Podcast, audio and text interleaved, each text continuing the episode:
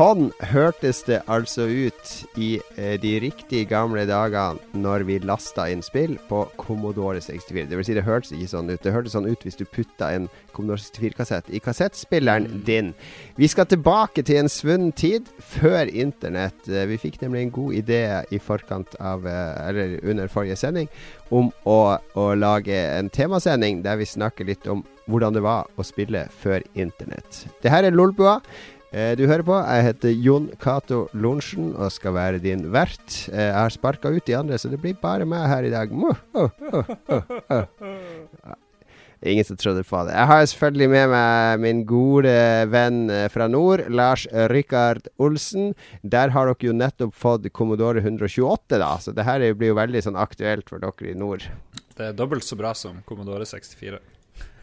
Du, du, er jo Altså, jeg er jo eldst i bua, da. Så jeg er vel den som har best minner fra denne pre-internett-tida. Du, du, var vel Du var gamer før internett òg, da, men du ble liksom ordentlig gamer sammen med internett på universitetet? Eller vil du si at, at din, din, peak var før du kom til Oslo og, og oppdaga internett? Snakker du til meg? Nei. Ja. jeg fikk jo Commodore 64 da jeg var sånn åtte ish, tror jeg. Og hadde mm. Amiga, Amiga 1200, først 500. Det var et ja-nei-spørsmål. Ja jeg trengte ikke hele gamer-CV-en din med liste over alt du har hatt. Det var et okay, dårlig ja, spørsmål. Du, du, var med, du var med før internett, og det, det er mottatt. Magnus ja. uh, Nei, nå har vi et problem her, for vi har en, en gjest som heter Magnus. det blir mye er, er, det greit at jeg bare kaller deg Ole i sendinga nå, eller? Vi, vi gidder ikke det. Jeg reagerer så dårlig på, på, Ole, selv om det er en del av navnet mitt. Så OK. OK, jeg får vi ta hensyn til det. Ja, Ole, hvordan er Nei, Magnus Tellefsen. Unge Tellefsen. Ja. Eh, hvordan var det med deg? Du er jo yngre enn både meg og, og gamle Lars. Så, så, hvordan var det med deg? Altså, Internett har vel alltid vært en del av livet ditt? Eh, jeg skjønner ikke hvor du har dette fra. Jeg tror du, du jeg tror du husker litt, uh, litt dårlig fra åssen 80- og 90-tallet fungerte, Jon. Um, jeg gikk på, uh, på, videregående gikk jeg på uh, Jeg tror vi var andre kullet som gikk allmenn EDB på, eh, på, Kvadraturen videregående i Kristiansand. Ok, Vi har kanskje noen unge lyttere som bare EDB. Hva er det for noe? EDM? Ja, Vet de hva er det? Hva er det skifter jo navn til IT og IKT. og Det har skifta mange navn sine, men dette er elektronisk databehandling. Da, da elektronisk databehandling. I 94, da jeg begynte på videregående. Og da var jeg eh, 15 år. Hvis vi skal regne. Nå, nå regner vi at internett dukka opp da og endra gaming. Det må jo være sånn 97-98? 98? Ja, ja. Hjemme-PC-ordninga var vel 98, var det ikke det? Ja, 97-98 var vel da det begynte å bli media på nett og sånne ting. Ja, riktig. Mm. Og vi har jo en gjest, da. Det har jeg jo røpet allerede. Han heter også Magnus. Og han kommer jo fra den uh, Han kommer fra Hokksund, har jeg hørt. Fra den prominente podkasten Er det avføring? Som vi sier her i, i, uh, i storbyen. Uh, på landet så sier de det litt mer vulgært. Kan ikke du si litt om hvem du er, Magnus Sandstad? Ja, nei, det er meg. Eh, som oppkalt eh, av min mor av en eller annen. Det betyr jo den store, selvfølgelig. Det gjør det. Eh, det gjør det. Mamma de har eh, god for, humor. For en ironi når det gjelder ja, vår Magnus. De lo i kirka når jeg ble døpt. Så lo de sånn. Ja, Magnus. Sant. Yes. Um, dåpsattest til Magnus, så står det Magnus i anførselstegn, sånn ironisk. uh, for en story, for jeg forteller mer om hvem jeg er. Men i mm. konfirmasjonen min så sa, sa presten Marius. Så jeg, ja, jeg har hun, um, hun kjenner ikke jeg i det hele tatt, for å si det sånn. Hele min oppvekst så tok feil, folk feil av Magnus og Marius. Ja. Ja, men du er fra eh, Hokksund, født og oppvokst eh, der borte? Jeg er ikke så stolt av å si det, altså, for det har noe med Drammen å gjøre, egentlig. Eh, vann i håret på Bragernes i Drammen, og det er egentlig Drammen. Men han bor i Hokksund. Vann i håret, hva det betyr? Ja, han blir døpt, da, vet du. Ah, ja, sånn, ja. Jesus Christ. Han Herodes Falsk, Norges første standup, han brukte jo å innlede med å si at han var født i et høl i asfalten. Det heter Drammen. Ja. Er, det, er, det, en riktig beskrivelse? Vi, vi har fylt igjen der nå, syns jeg. Uh, men det var jo god betegnelse før. Hva fylte dere opp med? Uh, døv, altså. jeg har ikke noe godt svar på. Mer øl, kanskje. Ja. Det er jo blitt en litt sånn kulturby. Vi pussa jo opp veldig langs elva med litt sånne bruer og nytt bibliotek og litt sånn aktivitet. Ja, Da er det ja. blitt en, en fin, fin by. Har folk blitt finere i Drammen, eller er det bare sånn tømmerfløtere fortsatt? Ja, Det er ikke så mange tømmerfløtere lenger. Det er det vi ser flytter folk fra Bærum-traktene til Lars der, og så innover i byen og, og, og langs elva da, i den nye leiligheten her. Da det, Bragernes strand, og det, det ser pent ut nå, altså. Det gjør det. Ble du akseptert, eh, hvis du er fra Hokksund, ble du akseptert som en drammenser, eller, eh, eller blir du uglesett? Jeg tror du må ha forklaringa litt da. At Ja. du faktisk er født der, ja. ja. Vi hadde, Da jeg vokste opp, så rundt Kristiansand så er det nemlig sånn at alle de småstedene liksom har vært sånn Sånn jeg ikke tror dere er Kristiansand, dere er ikke Kristiansand, vi er Nei. Kristiansand, og dere er ikke Ja. Kristiansand. Og de tok på seg liksom De snakka noe som heter byensk, som var liksom sånn falsk kristiansandsdialekt for å komme inn på byen og sånn. Så Ja, men eh, så Hokksund er det er godkjent? Dere ja er der er, det er ikke så gæli i Drammen der som okay. eh, Kongsberg skal du ikke innom. Ja, Hvis riktig, ikke du er fra riktig. Kongsberg. Der, Ja, der er de hardere på det. Nei da. Um, så han er derfra. Og så driver vi med den der um, YouTube-serien vår, da. Gjør vi jo. Å? Ja, det er en YouTube-serie som heter Er det dritt, der dere uh, tester ting. Ja. Hørte du hvordan Jon Cato sa 'er det dritt'? Det var litt sånn hånlig-aktig. Ja, det var det. Hva er de der anførselstegnene? Ja. ja. Som forelder så Som forelder så er jeg jo bevisst på hva jeg sier overfor mine barn, og jeg vil jo ikke at de skal bruke ord som dritt. Men det er et daglig ord, det. Lykke til med den! ja. Men eh, vi må jo, når vi skal promotere ting på Facebook, eh, blant annet, så er vi nødt til å gjøre en claim igjen, for den blir jo avvist pga. ordet dritt. Er det sant? Eh, ja, det er stort sett sånn at det blir Det, blir, det er ikke greit. Er det smuss? Bare? Ja. Er det tøys? Og lykke til med å hete Is it shit når dere skal gå internasjonal. Da sliter USA. Ja. Ja. Nei Nei, shit er jo innafor. Det, det er jo den der greia med at uh, den der nye banneregelen på TV-serier og sånn, den har jo eh, inkorporert shit som, som et sånn godkjent Ah. banneord. Så er Så- Veldig mange serier uh, hvor de ikke sier fuck, for det er langt unna ennå, så sier de likevel shit. Det, så jeg tror du kan slippe unna med det på en litt sånn edgy kanal. Ja. Ellers så tror jeg Jon- Cato jeg tror jeg har en sånn derre Han er jo seriøs, sant? Spillanmelder og sånn. Vi prøver å dra det der ned til hva det er egentlig folk bryr seg om, da. Det er det vi, det er det vi prøver her i livet. Mm. Ja. Litt kritikk mot Jon Cato. Slår tilbake. Nei, nei. eh, er. Hva er, hva er det folk bryr seg om? Folk, folk bryr jo seg om, uh, om de få fattige minuttene man har tid til å sette seg ned og spille. Ja, så du sier at Lolbua varer altfor lenge? Nei, det skulle vart lenger. det kan man høre i bilen. Ja, ja, ja. Men Så, ok, men, det, Ja. men er det dritt? Det er jo et veldig sånn enkelt ja-nei-spørsmål. Så det, det er jo Ja. egentlig Du skal jo svare kjapt, så her kommer det fem ja-nei-spørsmål. Er det dritt? Nei. Nei, det var bare overskrifta, da. Er det dritt? Uh, la oss begynne med VG. Er det dritt? Jepp. Electronic Arts. Er det dritt? Nei. No Man's Sky. Er det dritt? Ja. Minecraft. Er det dritt? Nei. Og så til slutt, det blir ikke ja nei da, det blir sånn er det dritt-rangering av de tre i Lolbua fra minst drit til mest drit. Oi, oi, oi, oi, oi. brannfakkel. Oi. Um, jeg tar først rangeringa. Skal jeg forklare etterpå, eller skal du bare ha den blank? Eh, du kan, Men- kan få lov å forklare etterpå. Er ikke er det dritt? Er ikke det mer en sånn der uh, greie med at enten så er det dritt eller ikke? Eller rangerer dere også? Nå ble du nervøs, Magnus. Du Nei, nei, jeg er litt interessert i det. For det at Ja, Det eh, er 30, det er 30 nyanser av dritt. Men jeg syns vi skal Jeg syns, jeg syns vi tre skal få lov å argumentere med hvorfor vi bør være minst mulig drit, og de andre bør være mest mulig drit. jeg syns, jeg syns Jeg tror, vi Magnus skal, jeg tror vi skal forlate det. Det her ble, det her ble, det ble en veldig sånn klein start på programmet. Jeg syns det var genialt. Jeg, jeg, jeg var klar for å rangere igjen, da, men vi sparer rangeringa til slutten av episoden, så at Oh. ikke hele sendinga blir prega av det. vi kan få en kan rangering av, av innsatsen vår denne, Det kan denne sendinga. Det er en bra Det kan du gjøre. Mm. Det Ja. kan du gjøre. Det kan være basert på det, for da blir det mer eh, at du er egentlig en kul kar, men akkurat i dag så presterte du litt dårlig. Da blir det litt, mer, ja. litt lettere å svelge. Ok, vi skal rett inn på eh, temaet. eh, Rett etter vi har hørt denne låten. Alle låtene i dag er jo pre-internett, selvsagt. Stemmer ikke det, Lars? Hvis du vil, vær så god. Pre-internettlåt Vi- nummer én. Pre internettlåt nummer én. Så er vi tilbake med dagens eh, hovedtema spill før internett.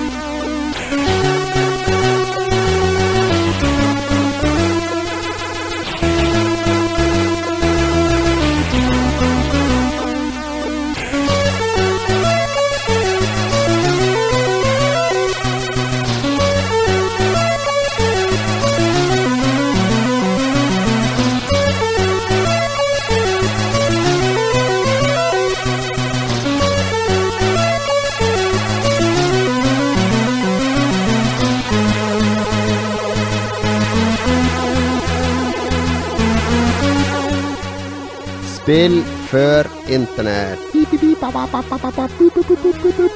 For at vi overførte jo spill via morsekode før internett kom. Det var en helt vanlig innlastingsmetode. Nei, vi skal snakke om når, før, spill, eh, før internett kom, eh, hvordan det var å spille da. Og det var jo du, eh, eh, Magnus eh, Hok Hokksund-Magnus, som Ja. foreslo dette temaet. Dritt-Magnus. Du må gjerne kalle meg Meny-Magnus der, for det er det. Dritt-Magnus, er det en grei betegnelse? ja, Møkka-Magnus. Da har vi Da har vi MM. Det burde gå. Dritt-Magnus og Møkka-Magnus, da har vi våre to Magnuser. Yes. Ja, ok. Ja, ja, det er vel min skyld at det er det temaet i dag. Ja. Hvorfor kom du på det temaet? Er det noe du er Du er jo en samler. Du samler jo på, på gammel eh, dritt, kan vi si. I og med at Nei, du Ja, på Nintendo 8-bit, har vi skjønt, og litt uh, arkademaskiner og sånn. Eh, Åssen begynte du med det? Ha, var du gammel nok til å spille Nintendo 8-bit, eller? eh? ja, jeg er 35 nå. Eh, så- det har jeg fått være med på. Um, og så har jeg hatt eh, Eller jeg har jo det fortsatt, men han har gitt seg med å spille bowling, min far. Oi. Eh, og da var jo bowlinghall barnevakt noen ganger. Det var jo det. Ja. Eh, Ah. og der er det arkademaskiner. Så det var kanskje litt derfra. Var, var far din profesjonell bowler? Eh, bedriftsmester, i hvert fall. Oh, hey. nice. Oi, oi, oi. Det er da noe. Ja. Eh, Het han ja, The Hva, Dude? hva er favorittfilmen til far din? Er det Big Lebowski? Ja. Den tror jeg Er ikke den for gammel Nei, for ung for han, holdt jeg Hva med Kingpin? Den kom vel på 90-tallet en gang? Kanskje. La oss ramse opp alle filmer der er, bowling det er er. bare de to filmene som er dedikert til bowling, tror jeg. Vi spiller bowling i Flintstones òg. Ja, det er sant. Men eh, Ja, det. Jeg er litt gammelt igjen. Ok, men du, du allerede da, altså Du har litt sånn nostalgisk eh, minne om Arkadehallen da, inne blant eh, skolukta på bowlinghallen. ja. Det, det er det med gulvpolishen på banene og, og den uh, arkadegreien der. Og så er det eh, har jeg en bror som er eldre enn meg, som uh, har liksom ført veien uh, med Commandore. Og vi var jo på besøk hos han noen ganger og bare sikla. Har fått seg matriseprinter til Commandore. Kan printe ut hva som helst. Det vil være der, liksom. Så, Og nå har du Eh, 3D-printer, har du ikke det? Nei, ikke jeg. Han Nei. Gard har det. Ja, det var Gard som hadde det. ja. Den står jo ikke rolig i det- ett sekund. Nei. Det gjør den ikke. um, ja, så baller det på seg. Det gjør det. Og så nå er det jo Ja. tilgjengelig, plutselig. Så Ja da, det er jo det. det, er jo det. Jeg har, jeg har laga noen sånne hooks her. Vi slet jo litt med å lage en struktur på temaet, så jeg slang sammen noe i siste liten. Jeg vet ikke om mine medprogramledere har sett på det. Nei. Men hvis det ikke er noen protester, så kan jeg lede oss punktvis gjennom seks punkter fra disse gamle dager. Mm, veldig bra. veldig bra. Punkt én. Da spill var tall, og tall ble magi. Du vet de første databladene som kom i 82-81 der omkring, de var jo egentlig blad med lange, lange lister av eh, programmer. som man måtte da taste inn på sin BBC Micro eller Spektrum eller Commodore 64 eller Amstrad etter hvert. Og så fikk man da et spill etter å ha sittet gjerne én, to, tre kvelder uten å tørre å slå av datamaskinen og skrive inn data 101,3,7,55,55,0 Mm. Ja. Konstant. Så, så etter du hadde skrevet inn alt det, så skrev du 'run', og da fikk du en error. og så måtte du gå over alle linjene og finne ut hvor de tallene du hadde skrevet feil, var. Etter du hadde holdt på med det en kveld, så klarte du endelig å kjøre et eller annet spill der du skulle styre en gaffel som stikker et egg, eller noe sånt. Eller Battleship, Eh, eller et eller annet. Ja, veldig banale, enkle spill, da. Men det, det som det gjorde med meg, i hvert fall Jeg og, og en venn av meg som heter Jo Inge, vi satt jo og tasta inn de greiene her. Vi hadde ett program hver dag, og så lagra vi på kassett, og så bytta vi, ikke sant? For da slapp vi å skrive inn alt sjøl. Det var jo at, at For meg var jo det helt uforståelig at alle disse tallrekkene kunne bli noe jeg kunne spille. Hmm. Men, men det ga jo en forståelse for at, at hva som lå bak et spill, altså hva et spill egentlig var, som kanskje vi mangler i dag, der spill bare er noe du trykker på i Steam, og så trykker 'kjøp', og så er det bare å spille det. Uh, Ja. Kanskje man ikke setter Kanskje man setter mer pris på håndverket bak det, og den manuelle arbeidskraften som ligger bak det, og ikke bare lage et spill, men å få det til å fungere. Jeg lagde en sånn gul ballong som for over skjermen. Var det noen som lagde den? Um, jeg lurer på om den var med i sånn her Commodore 64. Ja. Med, med liksom eska jeg fikk. Ja, det Men, husker men, jeg, men jeg drev jo og trodde jeg skulle klare å kode og lage spill til jeg var ganske gammel, egentlig. Eller at jeg trodde jeg kunne programmere. Jeg vet ikke, jeg burde tatt hintene ganske fort da jeg ble lei på Commodore 64 og trykke inn, og ikke gidde å eksperimentere så veldig mye med koden. Fordi Først var det Commodore 64, som jeg nevnte, og så var det Amiga. Og der fikk jeg der Amos i julegave en gang. Det var et sånn litt sånn enkelt eh, programmeringsspråk eh, til Amigaen. Fikk jeg til jul, husker jeg. Sneik meg opp en natt eh, oppe i Kirkenes da vi bodde der, fordi jeg var så spent på om jeg skulle få det, så jeg for og snikåpna julegaven dagen før julaften. Herregud. Første gangen jeg har gjort det. Men jeg var så utrolig spent, og så fikk jeg jeg der eh, Fikk jeg det Amos. Eh, fikk gaven, eh, kjekk litt i boka. Prøvde aldri å lage et eneste spill. Men min yngre bror, som jo har blitt sånn mattedoktorgradsstudent, han fikk heldigvis litt nytte av det. Så var det på videregående. Hvor jeg fikk sønn til eh, Oluf, sønn til Arthur Arntzen, som sånn IT-lærer, eh, valgfagting. Gjorde det utrolig dårlig der òg. Lærte han det vekk sånn som Oluf, da? Ja, ja, han gjorde det. Nei, han gjorde det ikke. Han var flink, høf, høff, sånn litt sånn sjenert eh, fyr, sønnen til Oluf, faktisk. Og så var du på, på Universitetet i Oslo da jeg flytta dit i 95. Så for å kunne spille data med mine venner som kun spilte på nett via universitets-unixene sine, spille X-pilot og MUD og sånt, så meldte jeg meg opp på noen programmeringsgreier, og jeg gikk vel aldri på en eneste forelesning. Ja, men alle gjorde jo det på Blindern, fordi det var, det var ikke bare for å spille, det var jo for å få e-post og, til, eh, og tilgang til nyhetsgruppe og alt mulig sånne ting. Mm. Eh, Internett var jo veldig eksotisk da, men det var kun de som studerte informatikk som fikk tilgang til Internett, så det var jo en million som meldte seg opp og bare meldte seg av igjen rett før eksamen. Ja. Men ja, det er morsomt det du sier om programmeringa. Eh, fordi jeg også programmerte litt på Commodore 64 for å lage sånn eventyrspill og sånn. Lagde et rom ikke sant, og ting i det man kunne plukke opp, og et nytt rom. Men det er aldri Jeg tror det som eh, gjorde at jeg skjønte at jeg ikke var egnet til programmering, var at jeg skjønte ikke at du måtte ha en struktur rundt et spill. Du måtte liksom ha en database med ting som spillet besøker og, og lagrer verdier i og sånn, for jeg lagde alt sånn linært rett fram. Mm. Det var bare spillet fulgte programmet nedover helt til slutt. Så, så det, det var da jeg skjønte det. Men du da, Magnus, Magnus. store Magnus. Har du, eh, Den var bedre. Ja. Eh, har du, eh, har du vært innom uh, Har du tasta inn programmer i huet og ræva for å få spilt? Jeg husker vi, vi lærte sånn switch Store Magnus, sa jeg nå. ja, Magnus. Store Magnus. Ja, men jeg er jo eldst. ok. Jeg husker nå de der basic-bøkene. En som jeg tror Lars Ja. prater om nå. Jeg, Jeg, jeg har knotta inn en sommerfugl eller et eller annet teit nå. Som tar altfor lang tid og gir meg ingenting. Mm. Eh, Annet enn sånn eh, mestringsfølelse, kanskje. Men det ble aldri noe spill. det ble det ikke. Det kom litt seinere kanskje at jeg lagde noe som betydde noe. Ja. eh, I BBS-verden. Men ikke, Mhm. noe, ikke noe Commandore eller tidligere der. Det var det. Ja. Sånn BBS-er og sånn her eh, kommunikasjon mellom datamaskiner før eh, Mm. internett, er det en del av din sekspunktsliste, Jon? Eh, ja, det kan være det. Det kan være det. ja, for det var jo en huge eh, deal. Jeg hadde jo flere modem til mine. Til min Amiga, egentlig. Amiga 1200. Det der jeg hadde, hadde modem. Ja, fordi før internett, fordi for, for yngre lyttere, ja nettopp, så måtte man, hvis man skulle på nett, så måtte man bruke et modem. Og det var basically bare en sånn ting som var mellom datamaskin og telefon, telefonlinja di. Mm. Så du måtte ringe til en leverandør. Altså det kosta det penger, da.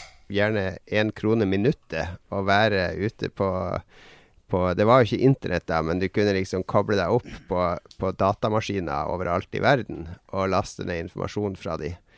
Uh, men du kobler deg direkte, da. Det er vel derfor det ikke, ikke var internett, som jo er et stort nettverk. Oh. Men uh, det var masse måter, eller det var ikke masse måter, men det var måter å unngå det her på hvis man hadde tilgang til de riktige uh, sentralene. da. Så vi hadde jo en venn som har vært tidligere gjest på, på Lolbua, som uh, var ganske inne i det her, da. Og han hadde sånn nummer og log- innlogging som han hadde hacka seg fram til, til tror det var til Kirke- og undervisningsdepartementet. Så ringte en sånn server hos de, og så foregikk all trafikken via deres server, da. Så det var, det var den serveren deres ringte han opp igjen, og så plugga han til modemet, og så var det liksom de som betalte all surfinga hans på, på BBS-a. Og det husker jeg, det, vi lånte modem. Vi kjente han ikke så godt på den tida, men vi hadde lånt et modem da, og så for vi ut av han og trygla om å få tilgang til den der greia. Men som en god hacker så nekta han å gi det til oss. Det var nesten sånn 80-tallsfilm der vi kom syklende på BMX-syklene våre for å få eh, passordet til å komme inn på Wargames-computeren. Kult. Men Magnus, fortell litt om uh, din BBS-karriere. Hva var det for noe? Eh, det var eh, også rein tilfeldighet. Jeg, husker ikke Det var noe fattern-rom med det òg. Han er sånn tidlig pioner på data også via jobb, eller jeg er ikke helt sikker på hvor han fikk tak i det. Er ikke det en ting Er ikke den en ting som far din ikke var? var eh, bedriftsmester i bowling og datapioner. Ja. Nei, ja, nei, jeg kom ikke på noe akkurat nå. Altså Figurskøyting. Men han drev med langdistanse, eller sånn langskøytegreier. Ja, lengdeløp, eller hva det het. Men, eh, Langdistansefigurskøyting. ja, det er noe nytt. uh, nei, jeg husker ikke når det var jeg traff det der, men jeg så det jo et eller annet sånt blad Om det var noe hjemme-PC, var det ikke noe som het det? Eller K-puter, eller hva det Ja, et blad, men han hadde sånn BBS-liste. Hjemmedata. ja. Var det Hjemmedata som hadde den lista? Ja, jeg tror det. Uh, og så var det én på ungdomsskolen som jeg fikk Som visste hva dette her var for noe. Eh, og så skrudde man sammen da med all den tid man hadde, eh, og fikk det til å virke. Mm. Fikk tak i dette Telix, som var en magisk ny verden, for å koble deg til BBS-er og sånn. Og så rasa det på til at du dreiv ditt eget natt-BBS. Eh, fordi du hadde jo bare én linje inn til huset. Det var jo Hmm. vanskelig nok å få Hva heter det? Kidnappa den. Eh, toppen er vel eh, Highscoren var 9600 i telefonregning. Da var det ikke så gøy lenger. da, eh, men det var jo verdt det, selvfølgelig. Bare ikke mamma og pappa var helt enige. Da. Ja, men det var, vi kan vel konkludere med at, at, at den der eh, telekommunikasjonen var ekstremt dyrt før i tida. Ja, det var helt vanvittig. Eh, fjerntakst, eller ut, utenlandstakst, var jo helt kriminelt. Jeg ringte, jeg ringte Sverige og Finland eh, hele tida av en eller annen grunn. Fikk jo de Mm. sykeste telefonregningene på sånn 6000. Ja, det var ikke bra. det. Ja, det var husker var- Vi må huske Ja. at dette var på en tid når eh, krone var verdt det i dag som er 15 000 kroner. Så det er bare å regne på kalkulatoren. Jeg husker vi hadde elevrådet på Heggen videregående skole var kuppa av sånne FPU-folk. Det var veldig mye politisk aktive på Heggen den, eh, den tida da. Og de hadde kuppa elevrådet. Det var ganske mange av de. Så hadde de fått overtalt rektor til å gi dem sånn telefonlinje, for de måtte liksom ringe til uh, hovedorganisasjonen til elevrådene og sånn. Og da satt de bare på kødd, så satt de inne på det rommet og ringte til Australia og USA og sånn i timevis for å gi skolen høyest mulig mobilregning. Så der har du FPU i et nøtteskall. FPU Harstad. Komme seg i makt og bruke så mye penger de kan. Nå minner du ja, meg på, bare... minner du meg på de der telefonnumrene man kunne ringe og sitte og chatte med folk. Eh, sånn Ja, ja, kontakt. Kontakttelefon. Kontakttelefon. Ja, det var ja, helt magisk. Ja. Åh, det, det var. Det var før internett. Ja, det var bare Du måtte ringe noen greier, og så kom folk inn og ut. Og så tror jeg det var noen moderatorer. Hvis det ble for crazy, så bare skjøtta hele tingen ned, liksom. Det husker jeg så vidt. Det var skikkelig spennende å prøve å snakke med noen dame. Riktig. det var basically Er, er, er, er, det noen dame her? ja. Hallo? Det var basically chatroulette med, med like høy risiko for, for negative opplevelser vil jeg si. Uff og uff. Yes. Vi går til punkt to. Vi går til punkt to.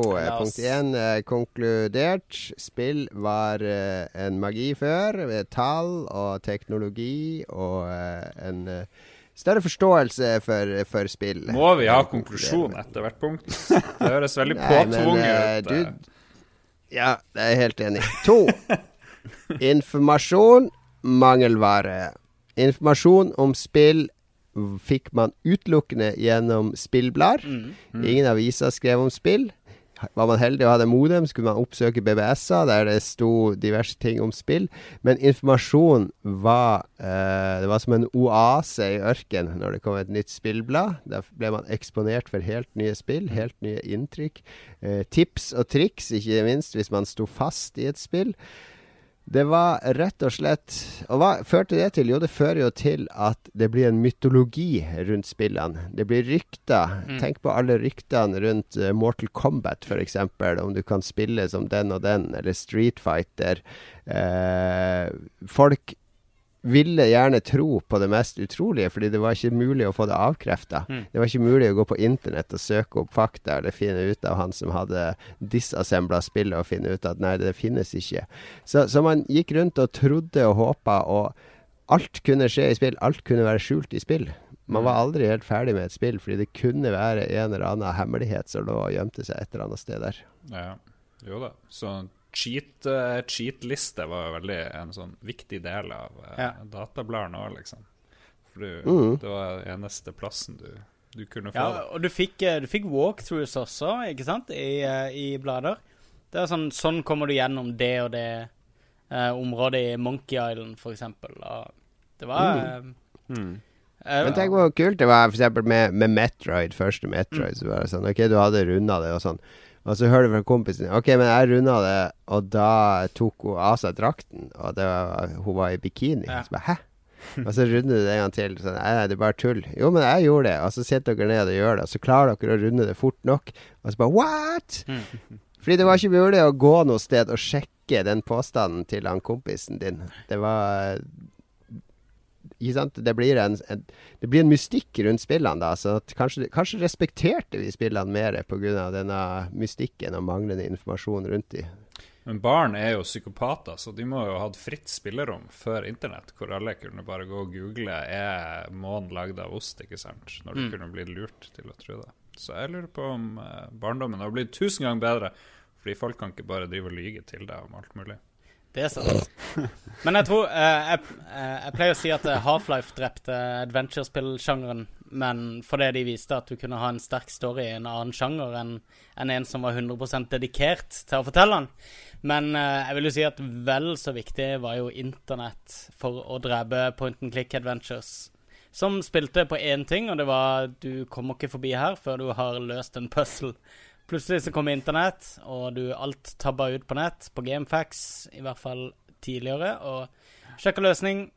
Gikk rett tilbake, løste puzzlen og gikk videre. Og du kunne runde spill som hadde vært eh, tre-fire år i utvikling, runda du typisk på halvannen time ved hjelp av internett.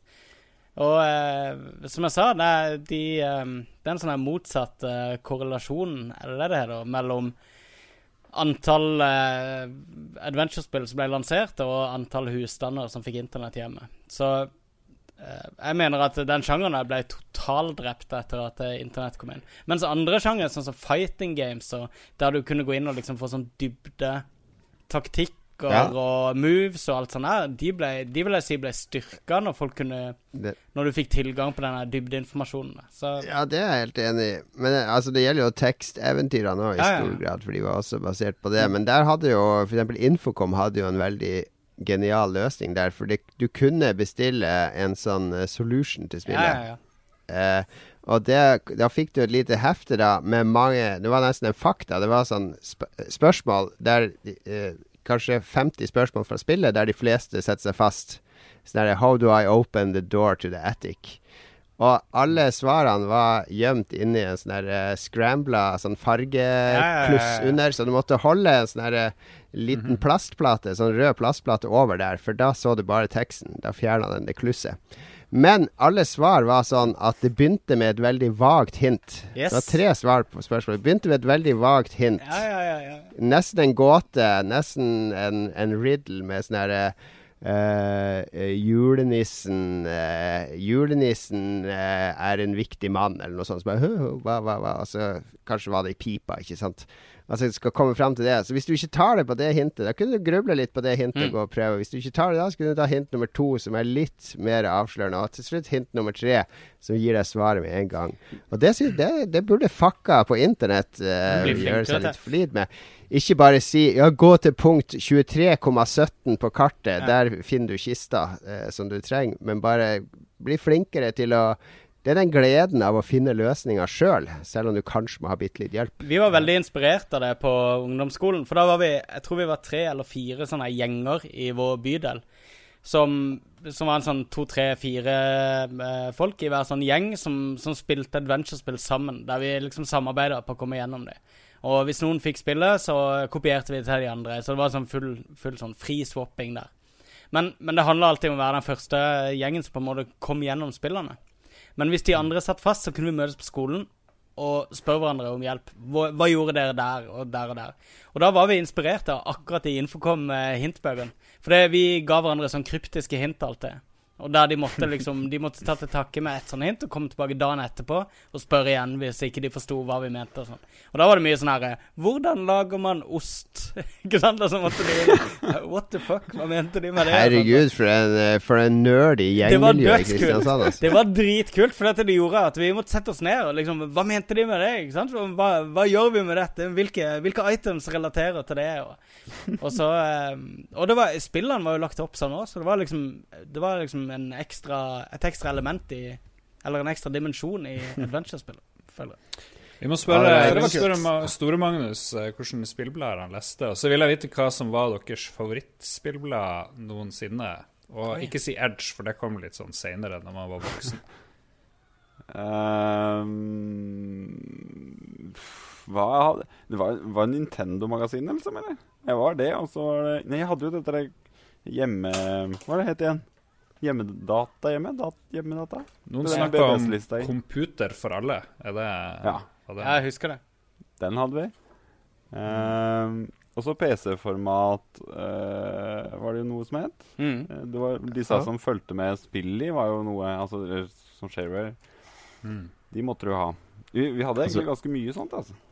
Og så var det jo Datormagasin. Ja. Norsk Datormagasin. Ja, det er kanskje min favoritt, det svenske datormagasin. Norsk datormagasin var litt sånn der eh, Kom jo også en, en kort stund, og det var jo kult. Men svensk datormagasin, det er derfor jeg er blitt eh, fantastisk god i å lese svensk, eh, mener jeg, da. Selv om jeg kanskje har glemt, glemt det. Og så var det C pluss VG, som jeg også syntes var veldig kult eh, da jeg var liten. De hadde litt mer C pluss VG, altså Computer and Video Games. Ja, jeg likte det veldig godt. Det høres ut som du blander Verdens Gang med et programmeringsspråk. Det hadde ikke jeg hørt om før, uh, egentlig, merka jeg. Så jeg trodde det var et eller annet VG-noe. Men uh, Ja, jeg merker jeg har glemt mesteparten av de der, tror jeg. Uh, Jeg, had, jeg hadde en gedigen samling blader. Det var Commodore User og ZEP64 og Computer og videogames. Jeg kjøpte omtrent alt av blad som kom. Og hvis det ikke kom blader som var til Commodore, så kjøpte jeg Sinclair User i ren desperasjon for å lese om flere spill.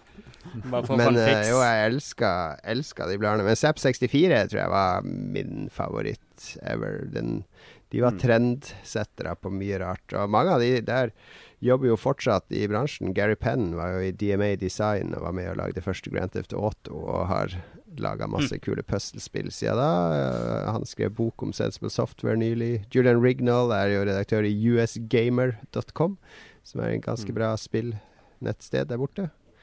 Så. Og Gary Witt da, jobba jo også der. Han er jo manusforfatter til Rogue One-filmen, den nye Star Wars-filmen. Så eh, det har blitt noe av de fleste i SEP64. Det var litt morsomt å se alle de ulike datamaskinene som kom fra England. For de fleste databladene jeg leste, var kanskje fra England, bortsett fra svensk datormagasin.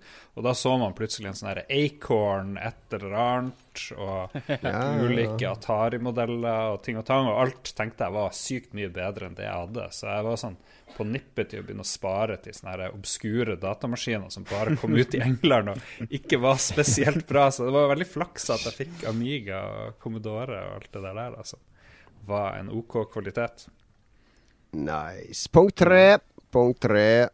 Analog-lagring og piratkopiering. Altså Nå snakker vi om datamaskiner her, fordi spill var jo basically freeware når du vokste opp på 80-tallet. Det var noe man delte og kopierte uten å engang tenke over at det, man kanskje ikke burde gjøre det.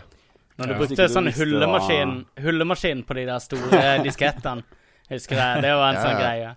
Og, Hvis du ikke visste hva den teipen gjorde på enden av kassetten, Ja, ja, ja. da hadde du ikke noe med mitt liv å gjøre, egentlig. altså. jeg, jeg ønska meg dobbel, sånn dobbel kassettspiller ene og alene Å, for å kunne kopiere spill med. Det tror jeg mange fikk bare til det formålet. Og det var, ble jo til og med sendt spill på nærradioen Ja. om natta. I Danmark så var det jo en radio som gikk i flere år, som bare spilte Commodore-spill hele døgnet. Som kunne bare Mm. recorde og sette i og spille i. Nå når uh, FM-båndet stenges ned til fordel for DAB, så blir det jo kjempeenkelt. Det er jo bare å spille 30 kanaler med kun Commodore 64 og sånne Jeg tror, jeg tror ingen protesterer på det. Det går bra. Jeg er annet Radio. sånt gamlehjem. Det er mitt spill! og hør, hør, nå kommer i- internasjonal karate. Ja.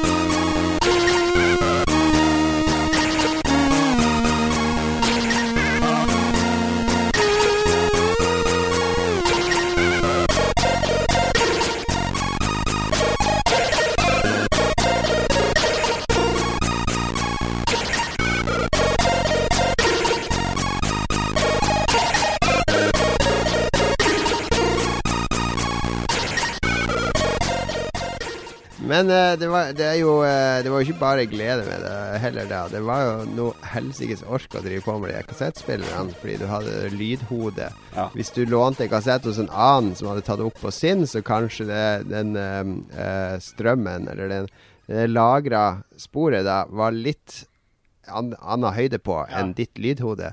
Så vi hadde jo sånn skrujern nedi den, eh, den trofaste kassettspilleren vår, og skrudde opp og ned på det lydhodet vi spiller ikke ville loade inn. Og gjerne sette kassettspilleren i klem med noe tungt oppå, så du trykka kassetten ekstra ned. Og, og, og hvis det var helt umulig å laste inn, så var det masse sånn overtro. Sette den i klem, skru litt på lydhodet, og så trykke på play, og så liste seg ut av rommet. Og så sto du ute på gangen omtrent og ba til Gud i fire minutter, og så lirka du døra opp og håpa at det ikke sto load error på skjermen, men at du så tittelskjermen til spillet i stedet. Jo, Det funka overraskende mange ganger. jeg er jo litt yngre enn dere, så det tok oss eh, sikkert et par år før vi skjønte at eh, du kunne skrive ned liksom hvor langt inn på kassetten hvert spill var. så vi bare eh, Når vi var veldig små, da, så vi bare satte til å spille, og så bare Dette loada lenge. Så kunne loade liksom sånn 20 minutter før liksom sånn Det er i gang! Det er i gang! Så nå kan vi spille det. Så Nei, altså måtte man, jo, man hadde jo spillene lagra med sånn turbotape. ikke sant? Ja, ja. Da måtte laste inn turbotape-loaderen først. Det var sånn Ja. 20 tellerskritt. Og så måtte du spole ut i kassetten til nummer 103, for der lå det spillet Yes. lagra. Man hadde skikkelig system på kassettene sine. Ja, det ble veldig systematisk etter hvert. Det, det som var gøy på PC-spill, da, var jo at uh, vi fikk de fete kopibeskyttelsene. Som var dritkule. Som uh, de der fysiske kopibeskyttelsene. Som var liksom Ja, du må Mhm. se den eh, 700 sider lange boka som ligger vedlagt i eska. På side 34 så nevnes det en farve. Skriv den inn her. Eller så sletter vi saven din. det var jo Det var de skikkelig kjipe kopibeskyttelsene, spør du meg. Jo, men du hadde Det de, eh, sånn. Det som var gøy, var Infocom de hadde jo Infocom hadde jo sånn at Ja. Nei, de hjulene var ikke noe gøy, det heller. De Det var var jo bare et, en jobb. Det hadde jo ingenting med spill å gjøre. de LucasArts-hjulene som du snudde på og lagde sånn her eh, Sam Max-hjulet, husker jeg godt. Der du hadde massevis av sånne her kostymer som du kunne vri på. Så fikk du Sam og Max i forskjellige outfits og sånn. Det var dritmorsomt. Ah, ja, ja, det, Ja, det var fett. det var oppfinnsomt, men det var uh, Altså, det Infocom gjorde, var at de ga jo med f.eks. en avis eller et magasin eller et kart. Ja. De var masse props i esken, da, som du måtte bruke i spillet. Ja. Eh, for eksempel på kartet så var det koordinater til hvor pyramiden var. Og så i spillet så må du liksom taste inn koordinatene til pyramiden. Så det var integrert i spillet, da, kopibeskyttelsen. Det var en del av spilleopplevelsen. Mm. Så du måtte bruke informasjonen fra, fra vedleggene som en del av spillet. Nå snakker dere altfor mye. Vi må la gjesten vår òg komme til ordet. Klart. Jeg følte han hadde noe å si. Hvis ikke, så har jeg et spørsmål. Ja, ja, ja. ja. Jeg, jeg, husker ikke hva jeg tenkte på i stad, men jeg kom på nå et annet dilemma man hadde. var jo at Når du bare rett og slett ikke har nok disketter. Så Ja. det, kompisen din må komme tilbake med de han har installert, for å få den, de neste diskettene kopiert. Og så tilbake igjen og installere resten. altså, det, ja, vi, det var jo sånn når Quake kom, så måtte jo Det gikk fløy, var jo, fløy jo sånn skytteltrafikk fra døra vår. For Ja. at det, det var jo tre-fire stykker som skulle ha det samtidig. Mm. Men uh, da, så mange disketter har jeg ikke. Magnus, da du hadde BBS, da var det sånn piratkopierings-BBS det gikk på? Ikke på min, for så vidt. Eh, det var det ikke. Det hadde ikke jeg Da måtte du ha egen linje. Det var ikke noen Da står den jo hele døgnet, liksom. Så det var, ikke- det var mer til Jeg drev Hva sånn heter, hva heter BBS-en din? Den hadde så mange navn at det, det er eh, Jeg aner ikke. Jeg tror den oftest eller lengst het vel eh, kanskje Snake Hill, for stedet het Ormåsen. Så det var vel passende.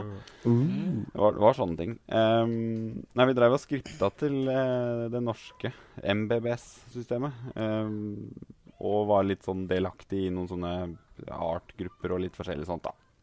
Så um, det var vel derfor. Hm. Det var mer for å sitte og skru på og lære seg å forstå det.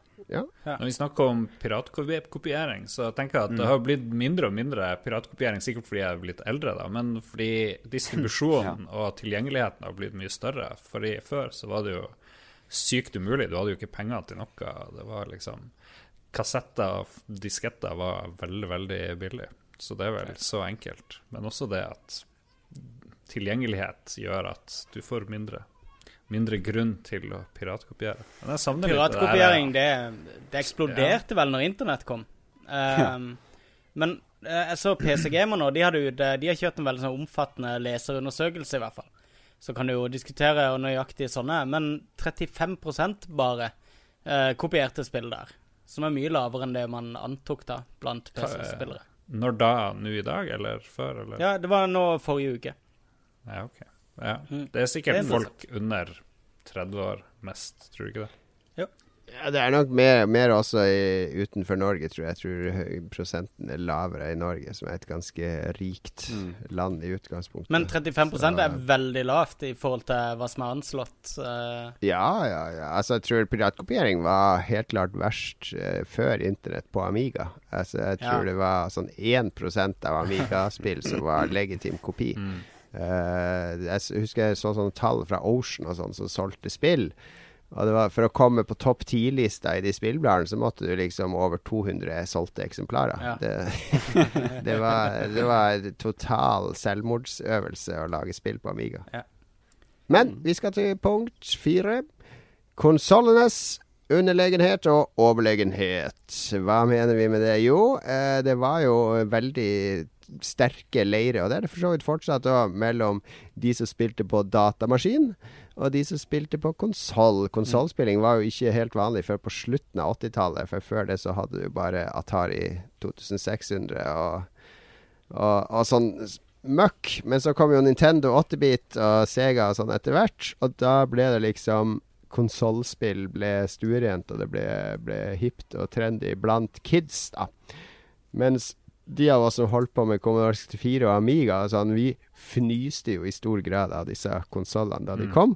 Fordi man kunne jo ikke programmere på de, man kunne ikke hadde ikke deluxe paint, man kunne ikke kopiere. Spill kosta jo fuckings 600-700 kroner i, 80, 1988, som tilsvarer over 2000 kroner med dagens valuta. Mm. Uh, så det var jo var litt sånn konflikt, og det var jo ikke sånn at de konsollspillerne i stor grad Og no offense til, eh, til uh, uh, R-dritt-Magnus her, men de var jo i stor grad småunger. Var, var mitt syn på de, som, som ikke visste bedre, og som ble forført av Mario, og som overtalte foreldrene til å få de her to spillene i året til bursdag og jul. Det var leketøy. Eh, ja, det var, Ja. det var leketøy, rett og slett. Solgt i leketøysbutikkene og sånn. Det var ikke sofistikert, sånn som datamaskiner var. Mm, mm. Og det Så den, de den konsollkrigen Det, Det var jo ikke en krig. Ja, det gjør de. det er jo fremdeles krigen.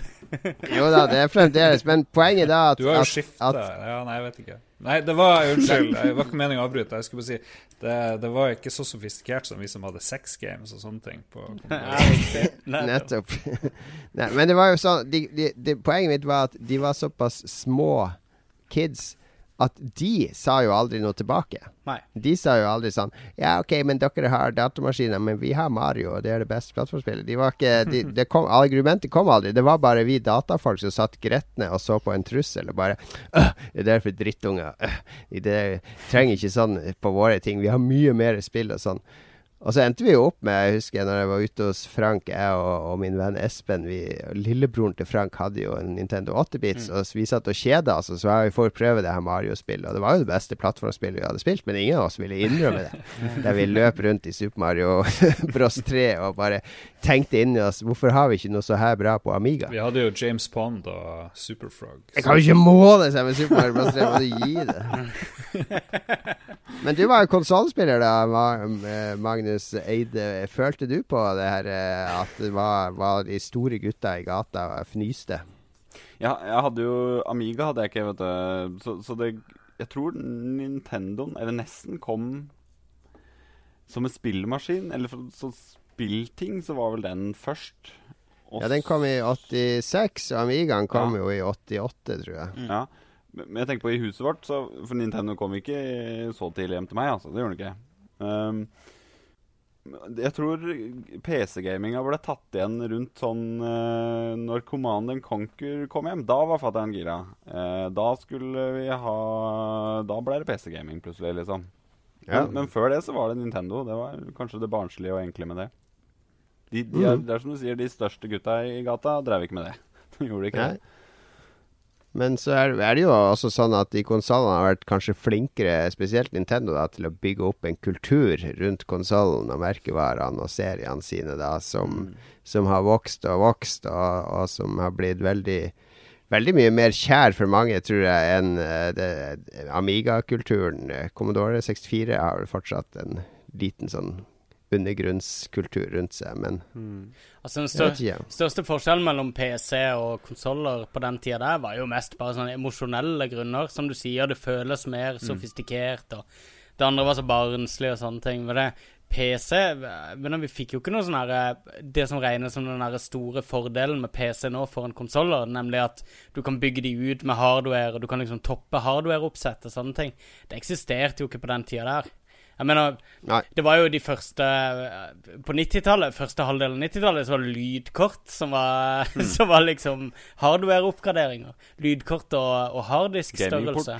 Ja, ikke sant? Og etter hvert så kom eh, Så kom de her voodoo-kortene og grafikkortene. Det var ikke før sånn Ja, det var 96-97 eller noe sånt? At eh, voodoo-kort Ja, riktig. eh, Lenge før det så kunne du kjøpe akseleratorkort i Amiga.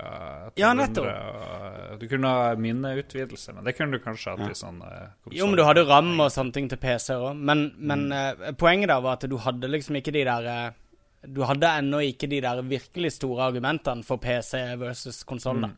Annet enn mus og tastatur. Og du brukte jo ikke mus og tastatur når du spilte Doom og uh, knuker med disse her. Du brukte jo bare tastaturet til å styre med, og en gamepad var bedre, så og jeg husker Jeg var en sånn pur PC-spiller på den tida, men jeg, jeg husker jeg digga å spille på konsoll, fordi det var en sånn det var en sånn gjennomført opplevelse. Det gikk så glatt. Det var, det var så smooth i spillene. Alt loada dødsraskt. Og det var liksom helt annerledes enn PC-en min, som der alt En liksom dedikert, dedikert opplevelse. Ja, rett og slett. Så Samtidig sto arkademaskinene der og bare lyste. Ja, ikke sant? Men så er det sånn Jo, men jeg har, jeg har Word Perfect på min PC, ikke sant? Så Jeg kan printe ut skitt. Det er dødskult for en tiåring, ikke sant? La meg se La meg se konsollen din gjøre det her. Bare vent litt. Kommer snart den der ASKI-teksten. Yes. Punkt fem. Punkt fem. Vi har vært innom BBS allerede. Swapping. Og vi snakker ikke om konebytte her, eller noen sånne skitne ting. kjære lytter. Vi snakker om hvordan i all verden skal vi få tak i nye spill. Altså, vi bor oppe i Harstad eller i Kristiansand. Vi har kanskje to butikker i byen som selger spill på kassett og diskett, og, og litt Nes-spill på, på hjørnet på lekebutikken. Vi har ikke råd. Vi, vi kan bruke hele månedslønna, eller spare opp ukepenger i tre-fire uker og kjøpe ett spill. Vi piratkopierer. Men hvor kommer de nye spillene fra? Jo, vi svepper. Uh, før internett, og for vi som ikke hadde BBS, så uh, lagde vi demoer. Og så spredde vi de ut. Og i demoen En demo var bare for å vise hvor kul vi var. Der vi skrev sånn her we, we are the best. Det var basically digital tagging. Det lages fortsatt demoer i dag, men på I gamle dager så, så var det stor, stor demoscene. Alle hadde en gruppe og lagde demoer og konkurrerte. Så sendte vi de ut til bekjente, som da sendte de videre til sine bekjente. Og i demoen så putta man alltid en adresse. Vil du sveppe med oss, send noen disketter til f.eks. Jon Cato Lorentzen, Utsikten 5, 9400 Harstad. Jeg bor ikke der lenger, så vi kan gjerne sende noe dit og se, hva- som skjer. Det kommer til å være sånn 30 kids som overnatter utenfor det huset. Der. Ja, og så skrev han gjerne 'No lamers, please', og så, Ja, ja, ja. og så videre. Eh, og så spredde han denne demoen ut, så gikk det noen uker, så fikk du kanskje et brev fra Tyskland, et fra Sverige, en, noen fra Danmark, og så screena du jo de der. Hvis du aldri hadde hørt om den gruppa, hvis det bare var sånne noobs, så var det sånn ah, OK, vi får se. Og hvis de greiene de sendte var skikkelig gammelt, noe du hadde fått før, så var det sånn «Ah, Det gidder jeg ikke sende tilbake. Men eh, det var om å gjøre å sveppe med de beste. Altså de, de beste var jo sånn I Norge var jo Racer 1911 og andre som Ja. faktisk cracka spill. Som hadde eh, venner som jobba kanskje på lager i England, der de produserte spill, og sendte de spill rett fra fabrikken, så de kunne cracke og legge ut og spre. Eh. Og vi sveppa med gruppe. Jeg sveppa sjøl med Red Sector i Tyskland. Eh, jeg hadde bare sånn 15-16 stykker jeg sveppa med, for det var ganske tidkrevende å sitte i X-Copi på Amiga og kopiere diskett etter diskett etter diskett og skrive brev og kjøpe frimerker, ikke minst, kosta jo penger. Ja. Så, men det var sånn vi fikk nye spill, og det var en veldig magisk følelse. Jeg husker ennå et par sommerferier der jeg sitter på verandaen i Harstad, og så ser jeg oppover mot veien. Bak en sånn solskjerm så er postkassene oppe på veien, så jeg ser ikke de der, jeg ser bare veien etter postkassene. Og så sitter jeg og spiser brødskive med Nugatti og leser Donald Pocket eller Zepp64 og gløtter opp på den veien konstant sånn i 11-12-tida ute i sola. Og der kommer postmannen gående oppover. Og da var det sånn seremonielt nesten. Jeg klappa igjen bladet og reiste meg opp. Og jeg kunne ikke løpe til postkassen, for da visste jeg at da var det ikke noe brev med nye disketter til meg. Så jeg måtte gå rolig til postkassen og puste rolig, og så åpne opp. Og på de beste dagene så lå det sånn tre fire konvolutter kanskje som lå bula med dårlig nerdehåndskrift utpå, og frimerker fra Sverige og, og, Norge. Og så var det inn og sjekke hva, hva, slags lut har vi fått i dag, hva slags nytt har det kommet. Har det kommet det nye spillet som jeg har lest om nå nylig, osv. Det, var, det var en god følelse der, å sitte og vente på hva som dukker opp. Mm.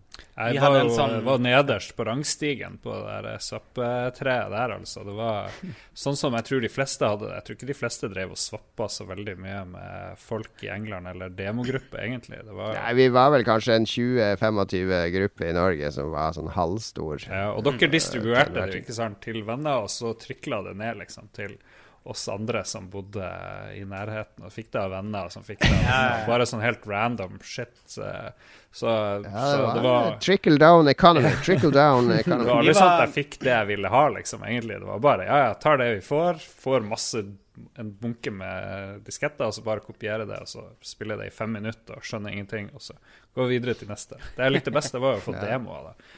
Jeg eh, elska det å se bra musikk eh, noen gang. og liksom flashy grafikk og det tekniske og hva de klarte å lure ut av, av maskinene. Det gikk helt tilbake til Commodore 64-dagene. hvor husker jeg var veldig imponert over en sånn Die Hard-demo hvor de hadde gjort uh, mm. Die Hard-traileren om til en sånn eh, Amiga-demo.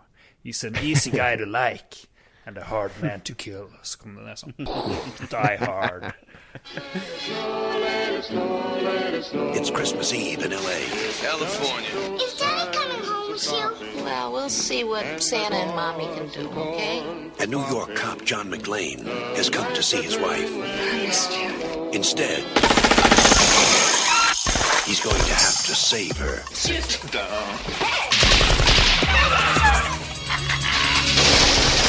He's an easy guy to like. Come out to the coast. We'll get together, have a few laughs. And a hard man to kill.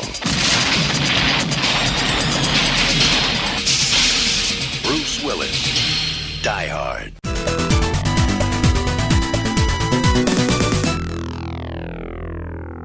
Uh, vi hadde den lokale tøffguyen, uh, han som uh, hadde full bart i sjette klasse og gikk i T-skjorte på vinteren.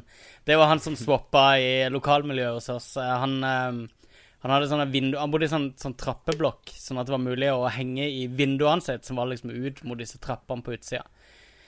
Og der hang vi hele dagen, og uh, inniblant fikk vi lov til å komme inn når vi liksom skulle bytte til å spille, og da krevde han typisk sånn to disketter for ett spill, og han var han skikkelig loppa oss uh, små drittunger for uh, Commodore 64-spillet. Um, han, han, driver fremdeles med, med, lignende ting. Det ble ikke så mye av han.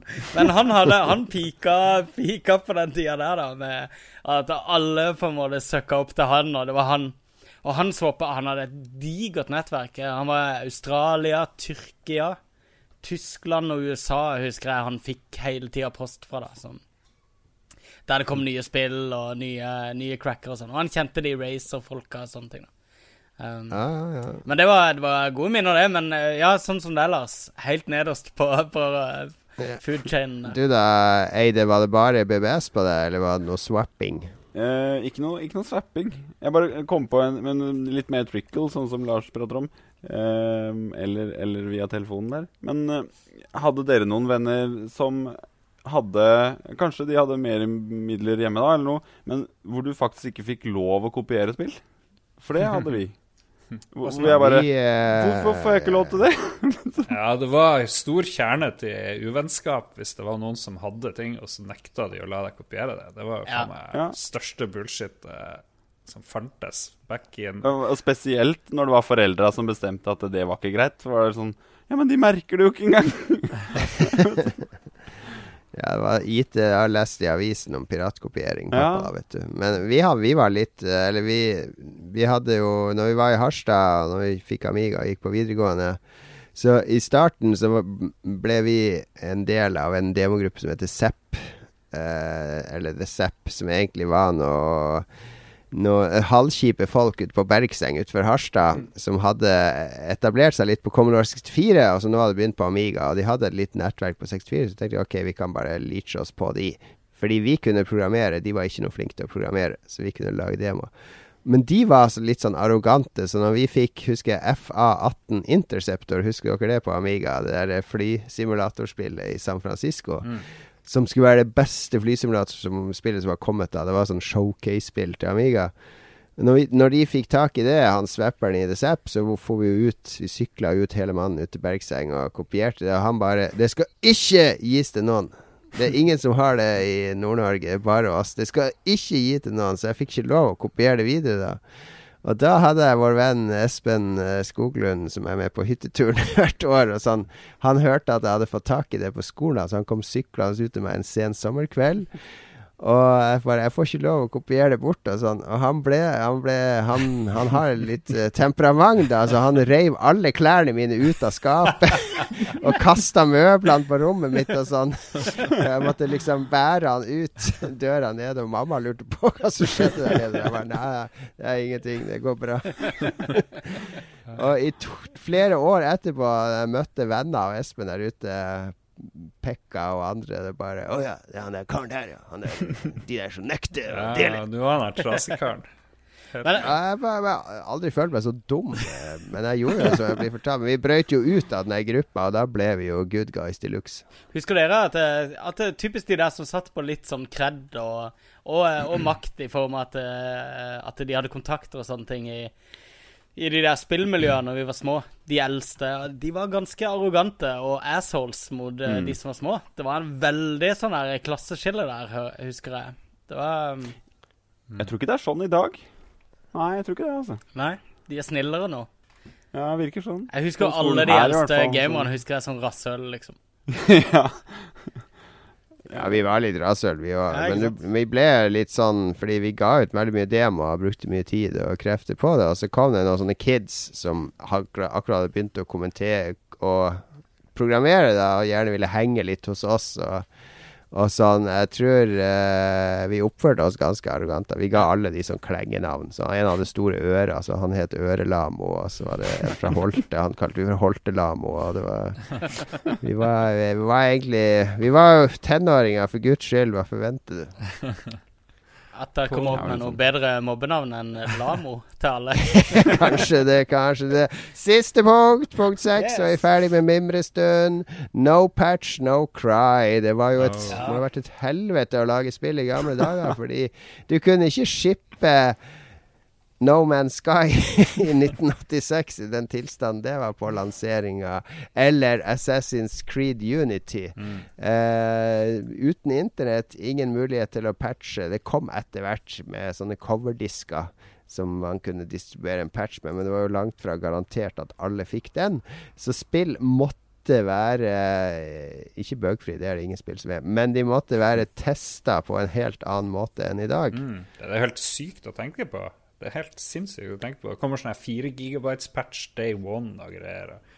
Ja. Hva er det som skjer, du som jobber i den korrupte industrien? Ja. Hvorfor er det så sykt mye patcher hele tida? Det første, eller det viktigste som skjer, er jo et, at et spill i dag er jo tusen ganger flere linjer med kode enn et spill var på 80-tallet, hvor du hadde 64K å boltre deg på, og ikke en Blu-ray som du kan fylle med data og ting. Så, så, det er jo det første, at det er så mye mer som kan gå galt underveis. Og det er så mye mer prosesser ting skal lastes inn. Altså Det var mye enklere å lage en sprite og displaye den på skjermen. Det er ikke mye som kan gå galt fra eh, dataen til spriten og til fremvisninga av den. Men det er mye som kan gå galt når du skal lagre teksturer og shadere og alt mulig annet, og det skal klaffe, og det skal stemme overens med ditt og datt, og så har du noe middelvær imellom der. Og, ja, det er mye mer eh, Korthuset har bare blitt mye større. Det er fortsatt et korthus, men før så bygde du korthus med ti kort. Nå bygger du det med 100 kort. Du har mange flere hardware-sammensetninger nå også enn du hadde før?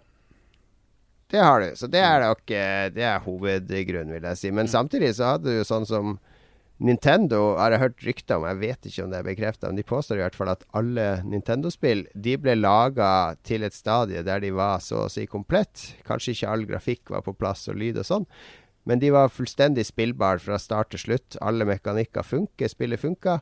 Og da sa de OK, da lager vi det. Og så skrapa de all koden, og så lagde de det fra scratch. Fordi da visste de all, alle de vaklevorne stedene i koden og sånn. Mm. Alt som var sånn der eh, placeholder-løsninger og halvveis, det gjorde de om da, så at det ble stabilt. Fordi da, du visste alle feilene du gjorde Mm. under den første utviklinga. Så det, du gikk ikke i de samme feilene på nytt, og da ble Mm. det endelig produktet mer stabilt. Spill var en mye større industri også i Japan på den tida enn det var i Vesten. da. Ja. Ja. Nei, men det var en fin anekdote. Den har jeg ikke hørt. Jeg likte den, absolutt. Jeg vet ikke om vi har noe mer å si. Det, er jo, det sier seg sjøl, det jævla patch-helvete vi lever i i dag. Altså. Gjør det. Jo, men jeg husker dere at, eh, at inniblant eh, eh, Det pleide å komme demodisker på utsida av spillblader når vi var små. Ja. Eh, eller yngre. Og noen av de hadde patcher til spill. Eh, Det husker jeg var en sånn big deal. At uh, den demodisken har den derre 1004-patchen til det derre Hook Adventure-spillet som uh, alltid breaker på den saven, ikke sant? Så da var det liksom Da måtte jeg kjøpe det bladet for å få oppdatert Uh, For du hadde ikke noen måte Det var BBS-er ellers, da, for å skaffe eh, patcher. da Så det var litt sånn eh, Det var litt sånn um, Hva skal jeg si? Det var litt sånn trading goods med patcher også, når det først ble lagd. Tenk hvis vi, hvis vi fortsatt ikke hadde hatt internett, så hadde vi sikkert hatt et spillblad som heter bare Patch, som kom med en Ja, ja. Blu-ray hver måned, bare med 100 patcher til alle de nyeste spillene. Ja, hver uke, garantert. tror jeg egentlig. Hm? Må jo vært hver uke, tror jeg. ja, Ukentlig. Ukeblad. Ukeblad. Ukeblad er Patch. Vi øker mest. Veldig, veldig bra opplegg på eh, spalten her, Jon Cato. Syns du må ta mer grep om Ja, uh, sendeskjemaet her. Det var jo strålende. Veldig, veldig bra. Jeg tror mange blir å sette pris på det her. Husk dette til den endelige vurderinga av eh, prestasjonen i dag, eh, Magnus Men- Eide. Og så må du huske hvem som er smålig og peker på det der. Liksom, hvem som gir ut ros uten å forvente Da spiller vi musikk! Da er det musikk, musikk, musikk. Woohoo!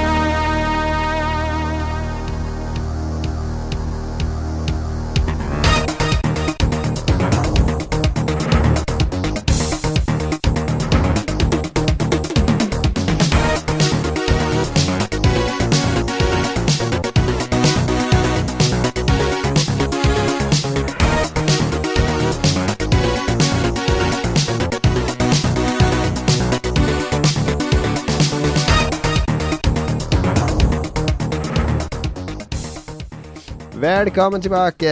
Vi har vært i fortida og mimra. Tårevåt sitter vi her nå og, um, og husker fordums tid da vi var unge og slanke og spreke jomfruer som satt foran eh, datamaskinene og spillkonsollene våre. Døgn inn og døgn ut. Nå skal det handle om nåtid. Vi skal til en splitter ny nyhetsspalte laga av vårt entourage. Er det ikke så, eh, Lars? Absolutt. De tar full 100% ansvar for denne spalten. Og i ekte Lolbua-stil så ba vi de om å lage denne eh, eh, Eller komme med tips til nyheter vi skulle snakke om til forrige episode, da. Så alt her er jo over en uke gammelt. Det Eh, stemmer. Gammelheder.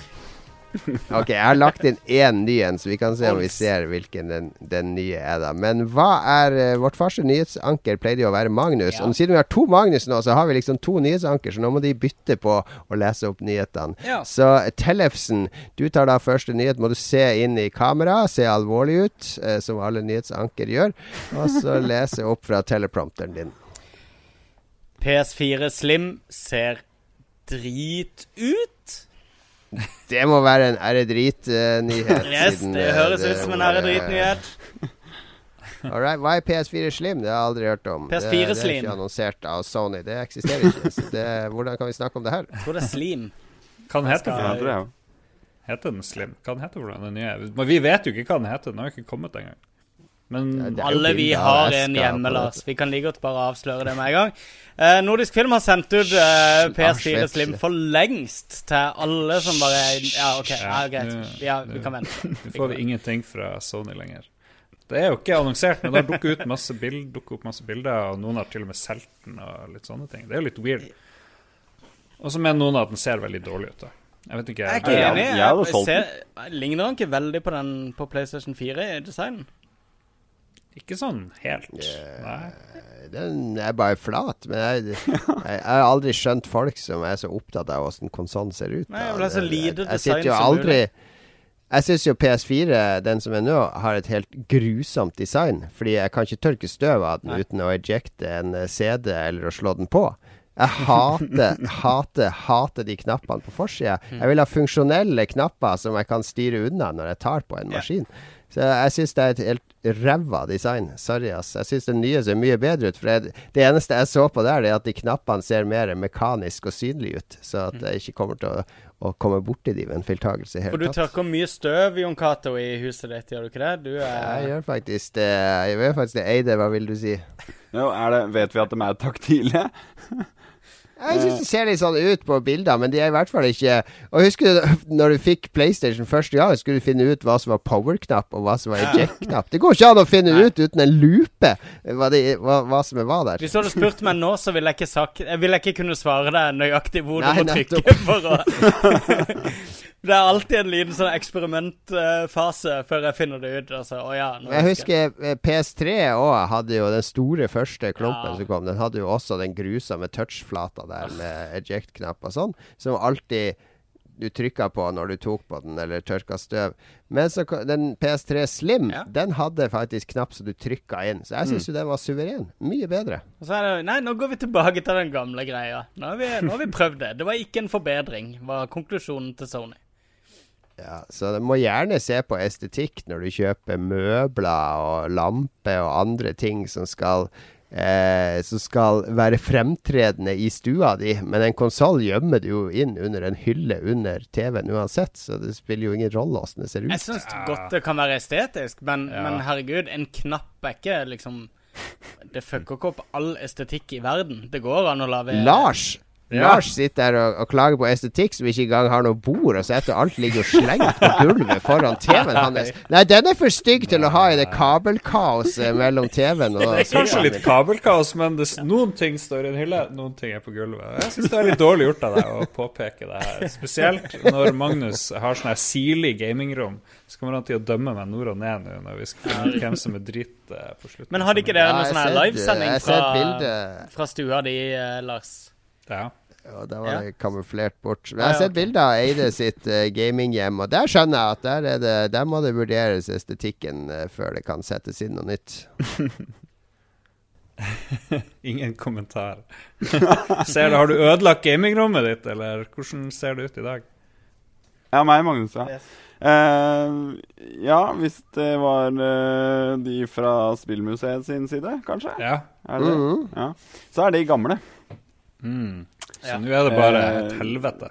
Det var er det kanskje før du fikk barn og måtte ofre rommet og sånne Nei, nei, jeg er på det rommet nå, og det er, det er gamingrom fortsatt. Men Ja, eh, da måtte man jo rydde for å ta bilder, sant. Så det varte jo en halvtime, det. og så er det det er, det, er, det er ikke så ofte kona er her oppe. Og når hun er her oppe, så kommenterer vi hvor fint det er. Det, gjør- det gjør vi. Men eh, sånn er det her oppe. ja. Men sånn det eh, være. i sånn ekte ære-dritt-ånd, så Ja. burde vi jo stemme på hver nyhet, konkludere med hver nyhet om det er dritt eller ikke. Så Mm. PS4 Slim, ser den ut som dritt eller ikke? Magnus Tellefsen. Nei, jeg syns ikke han ser ut som dritt. Han ser ut som Jeg vet ikke, jeg har ingen sterke følelser om den designen. At all. Ja, ja nei, holder. Lars. Ja, det er ikke et ser, ser ut som dritt, ja. Eh, jeg sier nei. Og eh, Eide, Sandstad, Magnus. Uh, det er Det er dritt. Jeg ok, og- 2-2. To på dritt, to på kult. Neste nyhet vi- får vi direkte fra vår utsendte reporter i Hokksund. Nei, du har ikke tilgang til Nei, skjemaet, for kanskje? jeg tenkte jeg skulle finne på noe, jeg. Ja, du kan dikte opp en nyhet hvis du har en. Dikt opp en nyhet. Ehm, Ja, jeg har den med, som jeg sendte dere i stad. den Fra min uh, profesjonelle verden. er jo sånn uh, brilleverden, kaller jeg det. Uh, fordi jeg ikke er utdanna. Men da har de funnet folk som er gode på fagfeltet Pokémon Go. Mm. Det er meg. Mm. var ikke det, var ikke det. De er optikere. Ja. Og, og dette med syn. Så de sier nå at eh, med, faglig, med, med faglig bakgrunn kan du si at det, det er heller bra enn dårlig å spille Pokémon Go. Mm. Ja, jeg så den overskriften der. Jeg, jeg merka at jeg ikke hadde noe lyst til å lese den saken der. Eh, mer, mer er- bra enn dårlig. Um, Den kleineste konklusjonen. Jo, for at det det, det, det, det går på det, det er jo reint ned i faget med øynene dine. Men oh, ja. um, hvis du sidestiller det å spille et annet mobilspill, da Glem alt det med at du går ute og sånn. Så er, jo, er det jo sånn at du beveger blikket opp en gang iblant. Mm. Naturlig. Eh, Mm. og, og det er jo bra, fordi du skifter fokus. Så du sitter ikke med fokus på én avstand spesielt nære, da. Eh, så lenge som vanlig gaming kanskje gjør. da Mm. Ja. så derfor er det bra. I tillegg så får du D-vitaminer, du er ute og sånn, men det, Ja. eh, ja. Og så beveger du nakken òg. Det var veldig positivt. Ja. Nakken også. husker. Mm. Jo, men jeg syns det var en bra nyhet. da. Synes det, Hvis du har et, det en eh, hvis, hvis du har et gjøkur over TV-en din, da blir det sånn at du kikker opp hver time. Kanskje halvtime, hvis det er litt avansert. Kanskje. Det er kanskje en løsning for de som er bekymra for synet sitt. da, i det minste. Der har vi Der har vi faen meg en bra nyhet på Lolbua. Rett og slett. Gjøkur og gaming. Hånd i hånd. Du burde være stær, redda synet mitt. Det satser jeg på at vi får noen sannhetsvitner på nå snart. Herregud. Ja. Men du er optiker, du, Magnus. Nei, jeg er ikke det. Jeg er ikke det. Uh, men jeg, men jeg driver en Entusiast, med tydeligvis. Ser, Som Lars. ser mye porno. Ja. Nei, jeg driver en butikk, eh, en optisk forretning, da. Ja. Ja. Så man får litt inn derfra. Ja, vår, eh, vår tidligere, eller vår eh, eh, Jeg vet ikke om han er venn av Lolbua, men han var i hvert fall med i Amiga-gruppa vår. Han Pappa Lars han er jo utdanna optiker, så mm. Han i tungtvann. Stemmer. Yes. han er i tungt vann. Han jobba Ja, nede på hjørnet fra meg når jeg jobba på Akersmik i Akersgata, husker jeg. Ja. Så Ja, han var og shoppa spill hos meg. Mm. Skal vi gå til neste nyhet, eller referanse. neste offisielle nyhet, Do it. som ikke er oversatt engang? Uh, det er så, eh, så mye forberedelser vi legger i Da kan du lese den på, på litt sånn eh, Oxford-engelsk. Uh, Kan ta den på kristiansandsk eh, engelsk, tenkte jeg i dag. Okay. The Ok. first eh, DLC-pack for Dark Souls 3 comes out oktober October 25. Eh, Namco Bandai said today it's called Ashes of Ariande. Ashes of Arianda. Um, ja, så det var basically at uh, Dark Souls 3-expansion kom i dag. Er det riktig? Nei, 25. oktober. Ja. Ja. Du leste Men at Namco vet- Bandai OK, ja. Så det var Jeg vet, en- at du det var en- jeg vet at du er arbeidsledig, men så surr med datoer er det litt sånn jeg, jeg trodde jeg, jeg tenkte Nei, det kan jo ikke være sånn at uh, Jon Cato anser bare uh, tilleggspakka har fått dato som en eh, nyhet, som noe vi må Det er ikke jeg som har laga det det er jo oh, ja. fra Entourage, Jeg var helt sikker på at det var en Jon Cato-nyhet, dette her. Jeg husker, jeg husker Nei, da, vi er jo, eh, da vi jobba i Hvor var det? Game Reactor. At eh, vi, vi prøvde å styre unna disse uh, tilleggspakka for datonyhetene. Uh, så jeg trodde liksom at, eh, at Namco Bandai hadde kommet ut sånn her Nei, nei, nei, kommer i dag. For det hadde vært dritkult. Og så var det bare å laste ned. Men uh, da har vi navnet, i hvert fall. hype fall. det og selge season passes, selvfølgelig. Men eh, jo, det blir bra, det. Ja. Dark Souls 3 er et eh, knallspill. Er du Dark Souls-spiller, uh, Eide? Nei, eh, det er jeg ikke. Nei. Men det er, det er, er det da automatisk dritt hvis du ikke spiller det, Nei. eller er det sånn at jeg har respekt for, for det spillet? Det, man, kan jo ikke, man, man kan jo ikke si at noe er dritt før man har sjekka. Det Så er det er Jon Cato bare og Feed my ego. Men du vil si at Dark Souls-spillere er litt mer verd enn andre spillere, vil du ikke det? Uh, det er eh, Det er, de er en blanda gjeng, de òg. Det er mye arrogante folk i Dark Souls-gjengen, har jeg inntrykk av. Litt uh, hubris men der. mye hyggelige folk òg. Mm. Hmm. Men er det, er det dritt at det kommer DLC til Dark Souls 3 eller ikke? Jeg kan begynne. Nei, det er jo selvfølgelig ikke dritt. Det er jo helt topp. Det er jo eh, From Software sitt Dream Team som jobber med disse DLC-ene, så det blir jo helt knall, tror jeg. Ser veldig bra ut visuelt.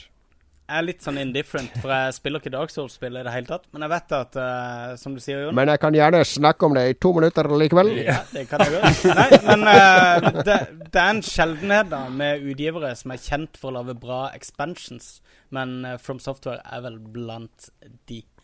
Ja, de har vært um, flinke. Og, og det har også mye med den lauren i spillet er så skjult og obskur. Ja at folk sitter jo allerede og analyserer den lille, lille man har sett fra DLC-en i hjel, i lys av ting man vet fra før i spillserien og sånn. Så det er veldig tørst, tørst etter uh, kunnskap.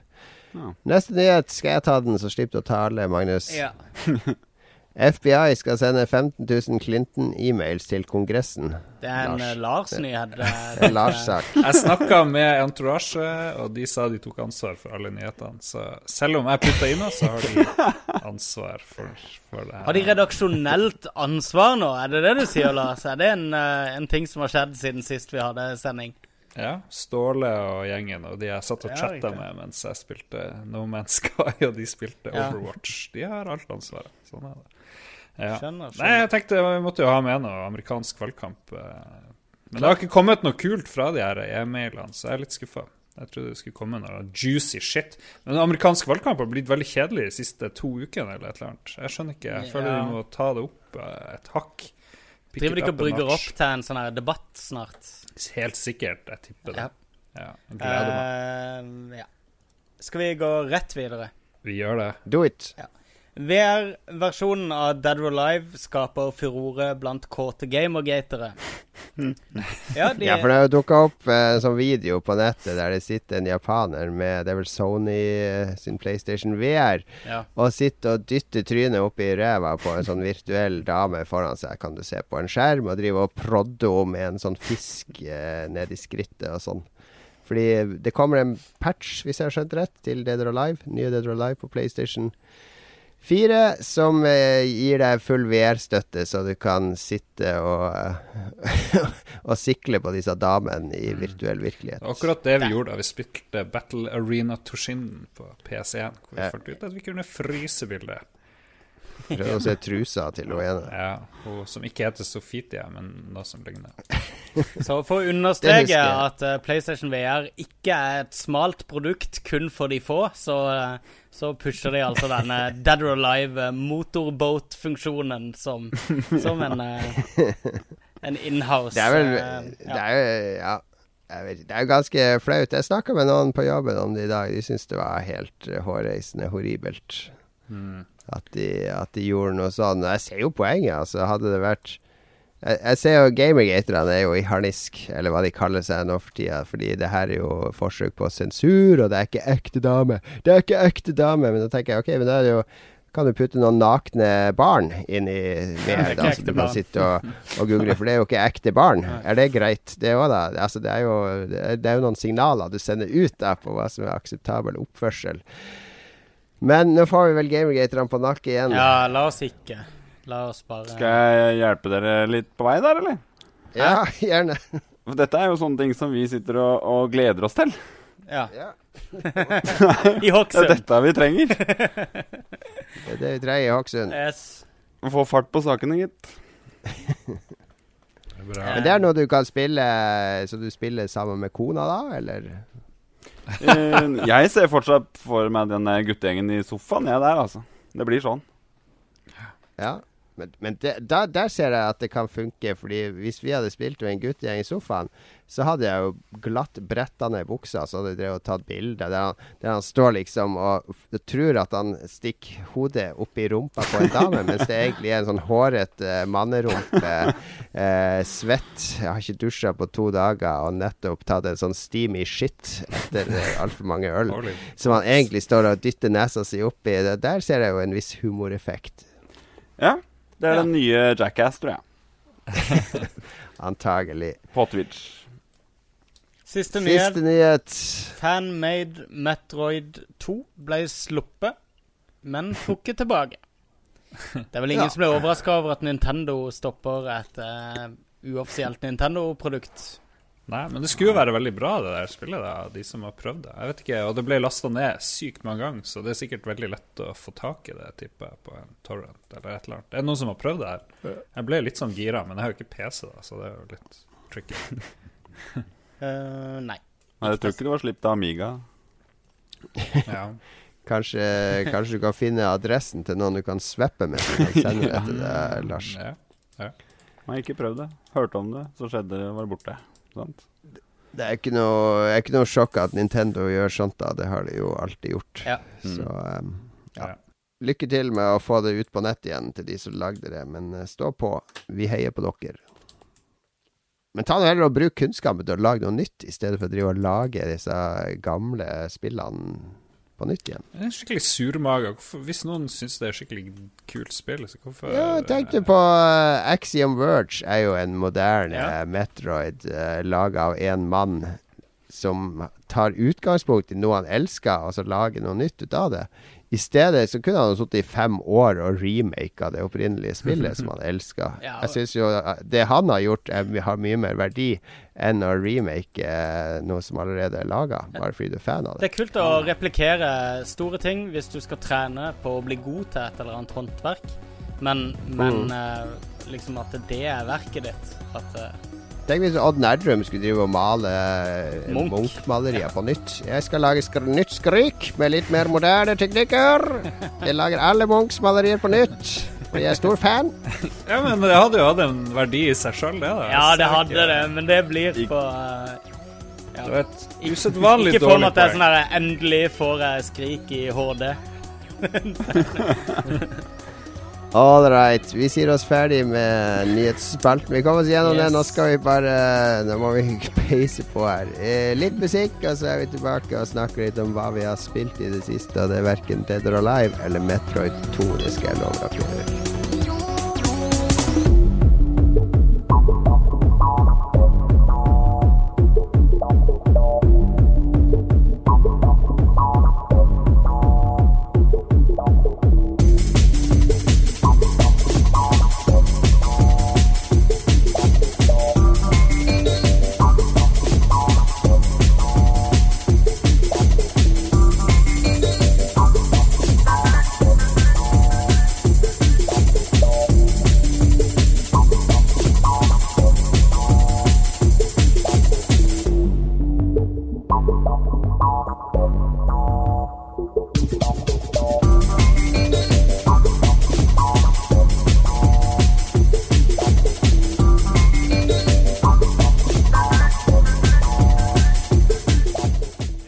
Vi er tilbake til uh, spalten Hva har vi spilt i det siste? Uh, fra nå av kalt Hva skal vi be om refund på i det siste? Refund er det store nye i spillverden nå. Har du noensinne vist et screenshot som ikke stemmer 100% overens med det endelige produktet? Refund! Yes. Som det heter i eh, World of Warcraft når de charger nedover eh, åsen med, med Legion som ikke funker. For the refund. Litt internhumor her. Hvis du ikke følger med på internett, så beklager jeg det. Uh, vi skal snakke om hva vi har spilt i det siste. Skal vi begynne med vår egen Magnus? Uh, vår interne Magnus. Ja. Eh, vi, for både jeg og du har jo lekt oss med World of Warcraft Legion. Vi har det. Jeg Um, bare går og legger meg litt nedpå. Et Gjør det. Gjør det. Um, ja, jeg har jo eh, virkelig satt i gang med, med World of Warcraft igjen, merker jeg. Um, det første Jeg, jeg har en tendens eh, Flere ganger så har jeg prøvd å begynne å spille WoW igjen, men så har jeg begynt å installere litt sånn add-ons og sånne ting, og så så går jeg så sykt i materien på liksom å tilpasse de add-onsene add-onsene at jeg begynner å bli lei allerede der, og så slutter jeg å spille på det. Men uh, denne gangen så har jeg virkelig gått gjennom det. Jeg har tre characters jeg har kjørt gjennom det nye innholdet nå. Ikke helt gjennom det, da, men et stykke. Og det er amazing foreløpig, i hvert fall. Um, jeg har jo, eh, som kjent, dette har vi jo snakka om i tidligere episoder, begynt å sette meg litt inn i Lauren i spillet og blitt litt kjent med handlinga og liksom bakgrunnshistorien til hvorfor de store eventsene som skjer nå i den verden, eh, hvorfor de skjer, og, og eh, hver gang du liksom får eh, eh, ringeffekter av store tragedier og sånne ting, så, så vet jeg stort sett betydninga av dem. Jeg syns det er dødsfett nå. Det er så sykt mye story som skjer i spillene. Eller i, i missionsa, mener jeg. Og de har blitt mye flinkere til å fortelle historier. Uh, Jon Cato, du er jo Du kom inn i dette med mye ferskere øyer enn jeg gjorde. Du har vel aldri spilt Jeg har eh, null Jeg har null innblikk i noe som helst historie. Det Ja. ga meg ingenting. Det der eh, mellomhistorien, Nei. eller hvor Demon Hunters kommer fra, eller whatever. Det er Det er bare et virvar av Det er som om Tolkien har hatt diaré og bare dret ut fem ganger mer enn han opprinnelig skrev. Jo, dette Spør du meg, da? Fordi det er, det er ingenting som henger sammen for meg med hvem som er hvem. Eller hva. Jeg vet at, at de orkene kommer fra en annen dimensjon, og så kom de gjennom en sånn grønn portal, for jeg har sett filmen. Det er filmen som er omtrent Ja, all storyen jeg har. Ja. Eh, og det skjedde for lenge siden. Og så ligner han veldig. Det er en sånn ork med de cutsidene nå, Ja, med sånne hodeskaller. Ja, han ligner veldig på han orken som var i filmen. Og jeg vet ikke om det er han samme. Han må jo være veldig gammel i så fall. Han er veldig gammel, sånn men ork. jeg har ikke sett filmen, så det vet jeg faktisk Ja, det er en sånn orksjaman i filmen òg, Ja. som liksom er mannen bak den portalen og sånn. Så det kan være han samme. Kanskje er det det. Men det jeg merker at jeg tenker på kanskje jeg skal begynne å lese de her seriene som Magnus og sånn, men jeg tror det er Jeg vet ikke, jeg har nok med å liksom være inne i Star Wars-universet før det, det, er, det er mitt univers. Jeg har ikke plass til et univers til. Jeg anbefaler å høre det der hørespillet som vi har snakka litt om tidligere. De der fire episodene eh, som Blizzard har lagd i en podkast. Bare for å De, de, Jeg har tenkt å sjekke de ut Ja. på, på toget, men det er de 20 Når jeg spiller Men når jeg spiller også, fordi min WoW-opplevelse har vært tidligere opp til level 30 Ja. eh, etter Breath of the Lish King. Det er liksom det jeg har av erfaring. Og nå har jeg spilt en opp til level 55 i Red Crew-gilden, Mm. som anbefales. Det er en veldig fin guild. Eh, og jeg har en Demon Hunter nå på level 100, og, og ja, jeg, jeg føler vel at Jeg føler at jeg skjønner ikke alt, alle sammenhenger i spillet. Ikke bare storymessig, men gameplay-messig òg. Ja. Jeg skjønner ikke helt hvordan alt henger sammen. Jeg er nå bare med. Det er gøy å bare være med og ligge på den bølgen. Det, Jeg kan forklare hele greia, for det handler om mennesker, orker og alver. Og det er liksom De kjemper om makta i Hyrule, eller hva det heter i denne verden. Og så kommer det plutselig masse panda, onde panda inn og erobrer alt. Dreper alle alvene.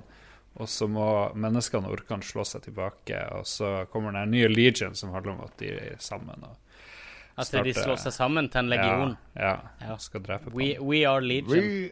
Så mye jeg vet jeg om uh, WoW, faktisk. Men uh, high Kule, five for at du kule eh, Magnus. Vi må, vi må høre litt fra, fra Kule Magnus òg, Ja. borti Hokksund. er Hva det sånn, uh... er Teite Magnus nå, plutselig?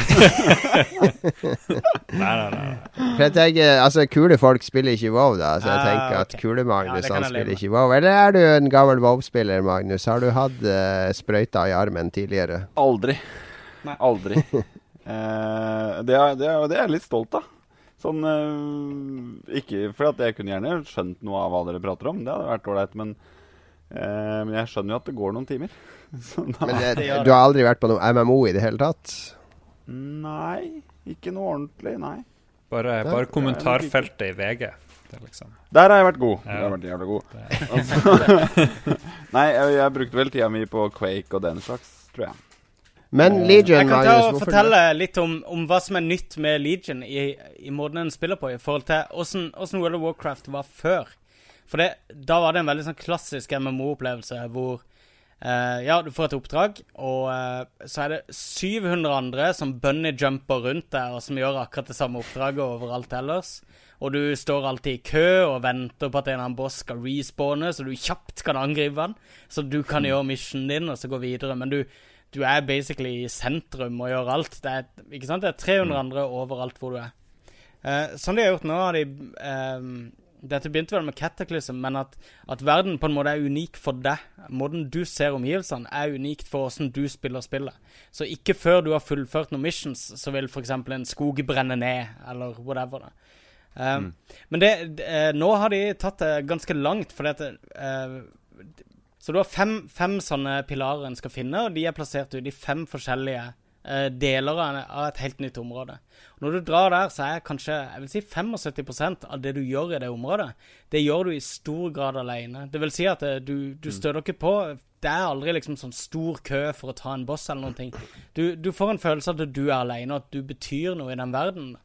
Som, som betyr mye for åssen storytellinga blir gjort. Og de har også begynt å lage veldig mye mer filmsekvenser og Uh, mer voice acting, og, og, ikke så mye 'her, les syv sider med tekst, så skjønner du hva som skjer', men de, de spoonfeeder det litt mer til deg, da. Um, som mm. gjør at det, det er blitt en mye mer lettfattelig opplevelse, men, men det er mye mer uh, engasjerende, syns jeg i hvert fall. det. Og, det blir det en, blir det en walking-simulator, er det du sier? Uh, det, er blitt det er jo en evig lang walking-simulator. Ja. Det eneste du gjør, er jo å gå fra A til B i det spillet. Men det er jo heller ikke det. Nå har jo jeg faktisk jeg syns det, det, var så gøy at jeg faktisk har kjøpt ei uh, sånn G600-mus i går med tolv knapper på tommelen.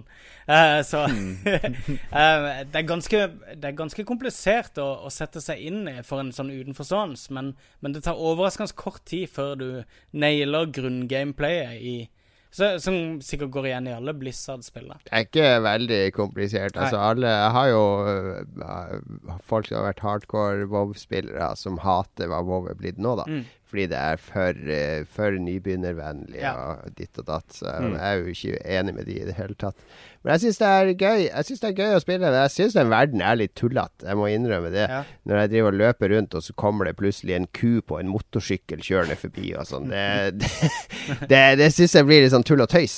Uh, jeg sammenligner jo da med sånn Elder Scrolls Online og andre spill som tar verden sin veldig seriøst. Mm. Jeg syns den WoW-verden er liksom en sånn herre uh, vi kan putte inn egentlig hva vi vil.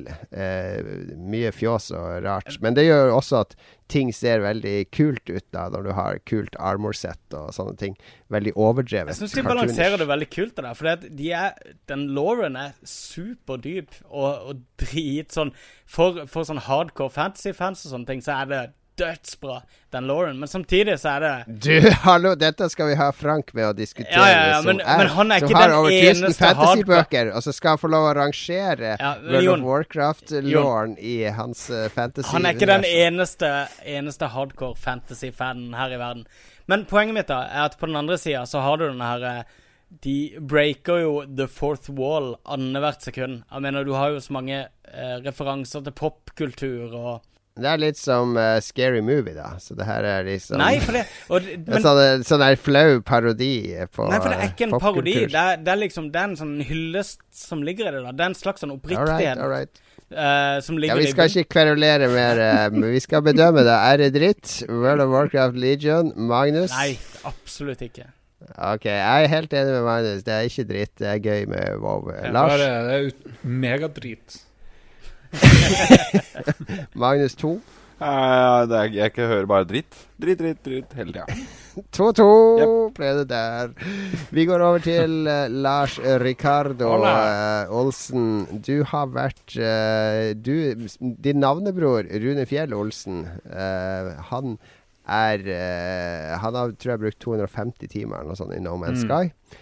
Han poster på Facebook skjermbilder, veldig flotte bilder av måner og planeter og romskip og ditt og datt, som får spillet til å se akkurat så lekkert ut som det faktisk ser ut på sitt beste. Og uh, han lagde en veldig fin videoanmeldelse av det, der han ga det syv av ti, og sa det var det beste syv av ti-spillet noen gang. Eller liksom Blant årets beste syv av ti-spill. han argumenterer i hvert fall veldig godt for de delte meningene om spillet, og, og, han, i motsetning til mange andre på Facebook og internett som har spilt det i tre minutter og syv minutter og sånn, så har han i hvert fall et fundament som han kan lage en e evaluering på eh, for opplevelsen. Men du har spilt det mye. Du spiller det fortsatt? Mm, ja, jeg gjør det. Det hjelper. Akkurat as we speak så har jeg en kompis som nettopp ga meg to pizzabiter fordi han har satt seg ned og spilt No Man's Sky i bakgrunnen her, hvor vi, hvor vi holder på. Uh, min venn Kien, og vi har spilt mye No Man's Sky, og jeg har spilt det mye alene. Jeg har føler ikke at det kommer så veldig mye fremover i det spillet. Jeg flyr jo bare litt hit og dit. og Begynte å dikte opp navn på planetene mine etter familien min, så nå hele familien min har sine egne solsystem rundt omkring i det universet. Det syns jeg var litt sånn koselig, egentlig. Uh, Ja, ja, Lars, du ja. som, du som slutta å spille Overwatch i mangel av insentiver utover eh, nye kostymer og sånn, hva er det som er insentivene for No Man's Sky-spillinga? det er jo veldig mye ting å få, da. Du har jo en, et våpen, et såkalt multitool, hvor du kan putte inn eh, sånne mining-mods og skytemods, og det må du oppgradere. Og alle Ja. oppgraderingene kan oppgraderes, for å si det sånn. Og så har okay. du romskipet ditt, som du begynner med, som er veldig lite og har når veldig kort. Det, nå har jeg to sånne super warp-mods, så jeg kan fly kjempe, kjempelangt og til alle typer planeter. For det finnes sånne gule og grønne og blå og ditt og datten-planeter. Så i går vi brukte et par timer nesten på å finne aluminium og eh, jeg vet ikke, nikkel og all mulig piss. Eh, Veldig kjedelig til slutt, men helt greit. I, I dag så drev jeg og brukte masse tid på å oppgradere andre ting. Og så har jeg brukt masse tid i dag på å springe frem og tilbake mellom romskip. Den kjedeligste jobben for å få penger. Fordi for å få nye romskip, så er det, det er et slit å få nye romskip, altså. Multitool er kjempelett. Eh, Suiten din er også veldig lett, men romskipet er vanskelig å finne sånne krasjer romskip. Og hvis du tar et nytt romskip som har én storage-plass mer, det er liksom det romskipet måles i. Hvor mye ting kan du stappe inn i romskipet ditt? Ja, men det er alltid, De krasja romskipene er alltid bare én mer enn Ja. det du har fra før. Ja, og så må Ja. du også alle komponentene har ødelagt, så du må bruke Ja, det er times, er timer jobb med å få det i orden i ja. Så jeg fant ut OK, mitt romskip har bare 21-22 slots, jeg husker ikke. Noe sånt. Og det meste er 48. Så jeg tenkte jeg skulle spare en 6-7 millioner liksom, og kjøpe meg et sånt. Ja. Jeg fikk en solid oppgradering. Så brukte jeg en time på å springe rundt på en romstasjon. Fordi de som, det kommer romskip og lander der, så kan du gå og handle med de, og så selge det i romstasjonen hvis de gir en sånn Fordi du kan gå fra 0 til 100 eh, mer pris. Så du kan liksom doble fortjenesten din hvis du bare kjøper fra de som lander der, til de som jobber på romstasjonen. Og det er jo veldig ulogisk at de skal gidde å selge det til deg når de kan få dobbel pris på romstasjonen. Men det gjør det nå. Så jeg brukte en times tid på det, og så kom moderen på besøk. Så satt jeg og spilte på pause, og så låste det seg. Så skrudde det seg av. Og siden jeg ikke hadde sittet meg i romskipet mitt, ergo sava, så mista jeg to millioner sånne credits på akkurat det. Okay. Så, du har bedt fuck om No Man's Sky! Fuck No Man's Sky! Nå skal jeg Du har bedt om refund, eh, skjønner jeg, fra Sony for, for Jeg har spillet. spilt i 30 timer, nå skal jeg Ja. jammen meg pengene tilbake. Logikken. Og du skal ha timelønn for de 30 timene du kasta bort i det spillet også, skal du ikke det? Mm. Nei, det var jævlig surt. Ja, ja, Det var skikkelig surt. Men jeg syns spillet er supert. Jeg hadde ingen store Ja. forventninger, for det var jo bare Det oste jo Gale-Mathias av uh, alt pratet rundt det der spillet der. Så hvis noen blir skuffa av det spillet, så har de Ja. liksom svelgt uh, alt uh, bullshitet som de også lagde i sitt eget hode. Men jeg er med på det mange sier om at de her utviklerne sa veldig mye drit. Det er jo bare å se, se han der Stirling sin video, f.eks. Han Jeg syns det, det virker som folk har liksom kjøpt sitt første spill ever for å spare pengene sine. Eller de, måten folk reagerer på dette er sånn Hva? Jeg trodde markedsføring var 100% nøyaktig, og at, eh, at eh, Nei, nei, bare de sier det i et intervju, så slipper jeg å gjøre noe research som forbruker. Da kan jeg bare stole 100% på det. og jeg Men mener, det, er- men det er jo også, hvis du ser på de intervjuene i kontekst Fordi det, Ja, det jeg tror da, som Murray og de eh, har ønska, er at spillet skal være mystisk, og at du skal oppdage mest mulig sjøl. Ja. Så de har ikke hatt lyst til å røpe noe. Så når folk spør Er det multiplayer, så er det sånn Ja, en form for multiplayer, men det er ikke sentralt. For det er en multiplayer fordi jeg kan se Jeg kan besøke planeten som Magnus har gitt et navn til. Ja. Det er en Det er det er som beskjedene i Dark Souls som folk har lagt igjen til deg. Det er en annen spiller som har vært i universet og satt sitt spor på Mm. det. Altså, eh, fordi de har svart veldig vagt på mange spørsmål. Ikke sant? Fordi de har hatt lyst til å beholde en mystikk rundt spillet og, og en sånn det, Du må nesten oppdage det sjøl. Og det er veldig vanskelig, fordi du får veldig konkrete spørsmål. Uh, og Et eksempel sant, var jo sånn her uh, Han sa at du kunne endre uh, formen på terreng, ikke sant? For du kan jo skyte med laseren på Mm. en aluminiumssøyle og så endre den form. Den blir mindre, eller du tar bort Du kan av også kaste granater. da Da, kan du faktisk lage hule og lage alt. Ja. Og da automatisk så konkluderte journalisten ok, du kan terraforme planeter fordi du kan endre formen på terrenget. ja. Og så bare Nei, nei, ikke helt det vi mente. Da. Du må nesten finne ut av det sjøl. Mm. Fordi de vil ikke si direkte ut at hva, nøyaktig hva du kan gjøre. Så det er ikke så mye at de har villeda folk med vilje, tror jeg. Det er at de har hatt lyst til at folk skal, skal oppdage ting på egen hånd. Jeg, det er ikke heller bare jævlig dårlig PR-trening, ja. Jo, det er det jeg òg tenker. Det er det òg. Det er et indie-studio som bare Sony ringer de og sier Du, uh, det var mange som digga dere på E3, så nå er dere vår frontrunner. Nå skal vi pushe dere inn på Stephen Colbert, og nå skal dere Ja. på uh, Nå skal dere på alle Nå er det primetime-TV på dere. Uh, OK? Og så Men, men jeg tror ingen, eller 99% av de som så det på Stephen Colbert-show og endte opp med å kjøpe det, jeg tror ikke de er de som raser i kommentarfeltene. Jeg tror det er, eh, det er en hardcore kjerne med gamere som har spilt det i ti minutter, og som har kasta seg inn i en heksejakt. eh. Jeg tror det er veldig mye de samme folkene som ikke skal stemme på Hillary, selv om de er tolv år gamle og bor i Tyskland. Ja. Jeg vet ikke, du har, du har Det er ikke folk spilt som det, henger du har på ikke spilt det ennå, Magnus Eide. Nei, jeg har eh, bevisst ikke kjøpt det. Jeg har bare hørt på folk uh, ha spilt det. Eh, og bare mer og mer blitt enig med meg sjøl om at det var jo ikke for meg.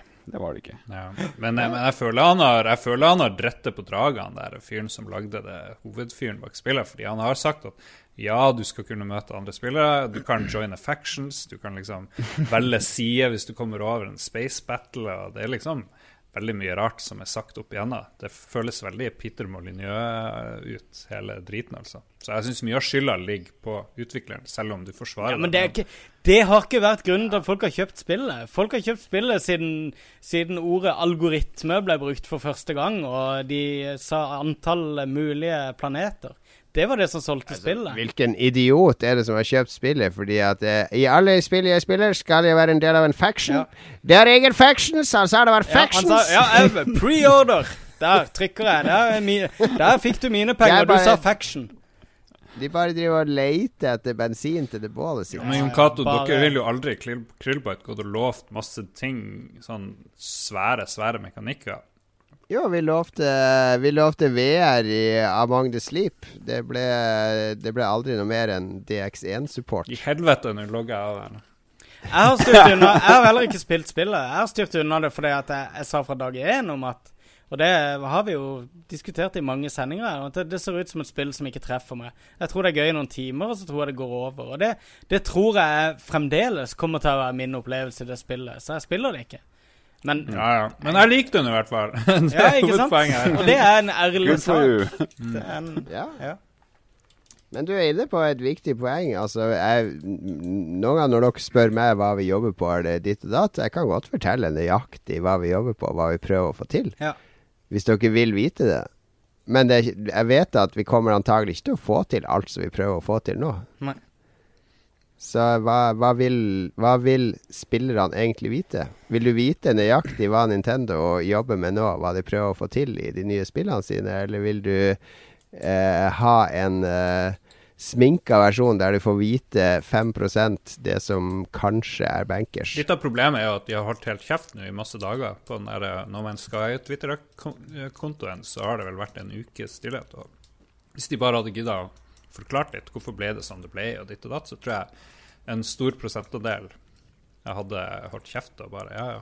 Jo, jo, men da må de lage en ramme rundt det og selge det inn. For nå er det et PR-apparat som faktisk jobber med å selge inn et budskap, eh, i stedet for å ha en ufiltrert eh, intervju med Sean Murray, der han Han kunne bare lage en lang bloggpost hvor han bare fortalte om litt ting og tang.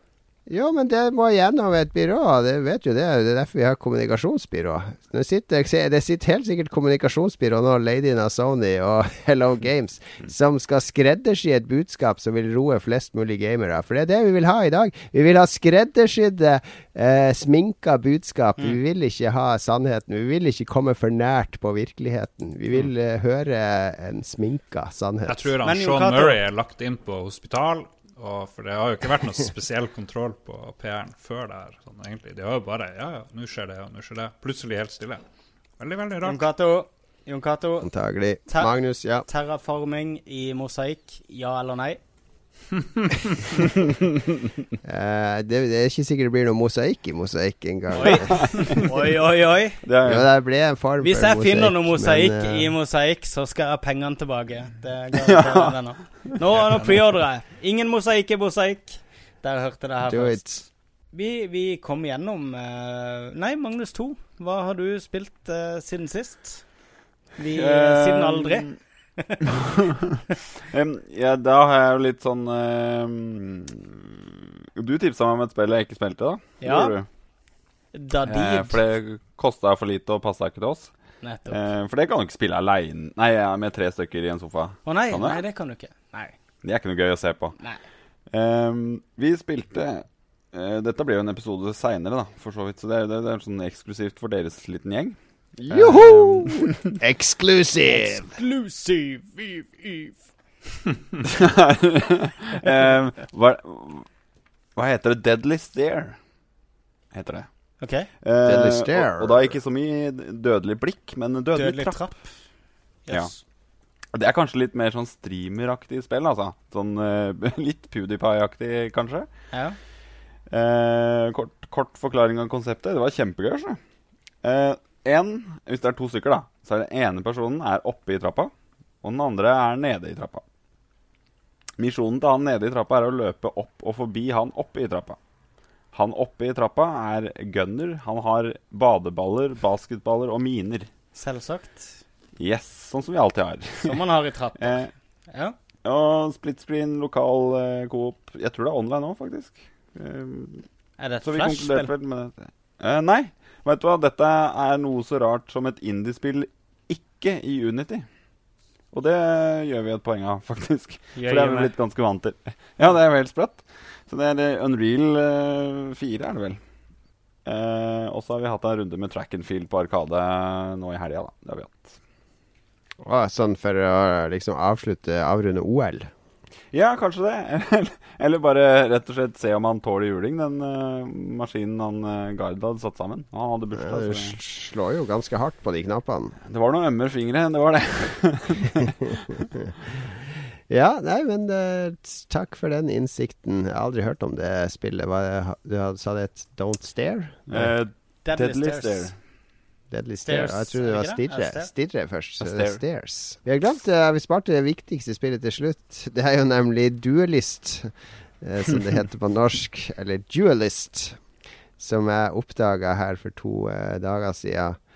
Uh, som har gjort at jeg faktisk ikke fikk spilt så mye Legion som jeg ville, eller Dark Souls 1 som jeg ville, eller Deuce X som jeg ville. Tre spill jeg har holdt på med i det siste. Fordi Duelist, et gratis uh, free to play-spill Gratis free to play? play. det- Det var interessant. Ja. bare Korrekt. eh, kom og tok all oppmerksomheten min, fordi eh, Duelist er et uh, Det er eh, basically Heartstone. Altså det er kortspill der du setter sammen en kortstokk bestående av forskjellige styrker og magi og uh, artifacts som uh, generalen din bruker. Og så har du et rutenett med generalen din på, og en annen general i andre enden. Og så hver gang du spiller et kort, så summoner du det vesenet eller det spillet ut på rutenettet, og da blir de der. Hm. Så hver runde så skal, har du mana. Du får selvfølgelig én mer mana hver runde, akkurat som i Heartstone. Uh, så du kan bruke på å summone creatures og, eller spells eller artifacts eller andre ting. Og så kan du flytte enhetene dine rundt og angripe de andre.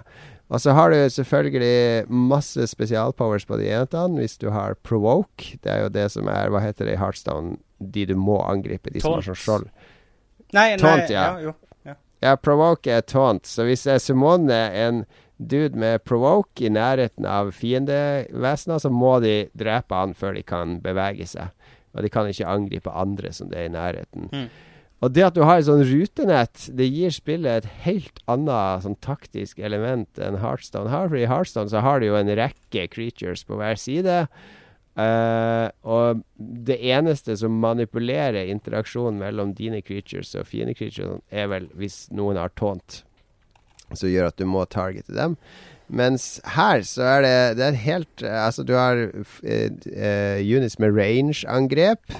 Så jeg vant en kamp nå i dag med en unit med range som jeg klarte å gjemme bort i hjørnet, mens han motspilleren gjorde en fatal feil med at han gikk motsatt vei. Jeg trodde han skulle ta han, og ja Hver kamp er en, en blir en sinnssykt spennende historie. Ja, hver kamp. Det er jo online, så det duellerer jo mot andre. Ja, riktig. Og, og, du liksom må analysere de kortene han begynner å putte ut, og, og, og, hva jeg putter ut. Og så har du seks faksjoner da som har forskjellige basiskort, pluss en rekke nøytralkort.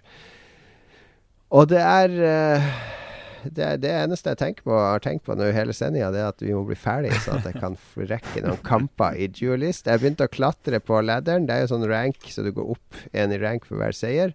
Så jeg prøver å jobbe meg opp mot Silver-ligaen. Det er sånn Daily Quests, og de er veldig veldig kule. Fordi da, du, da skal du klare å drepe generalen, fiendegeneralen på én runde med et sånn oppsett brett der det er units her og der, og du har fått utdelt tre kort.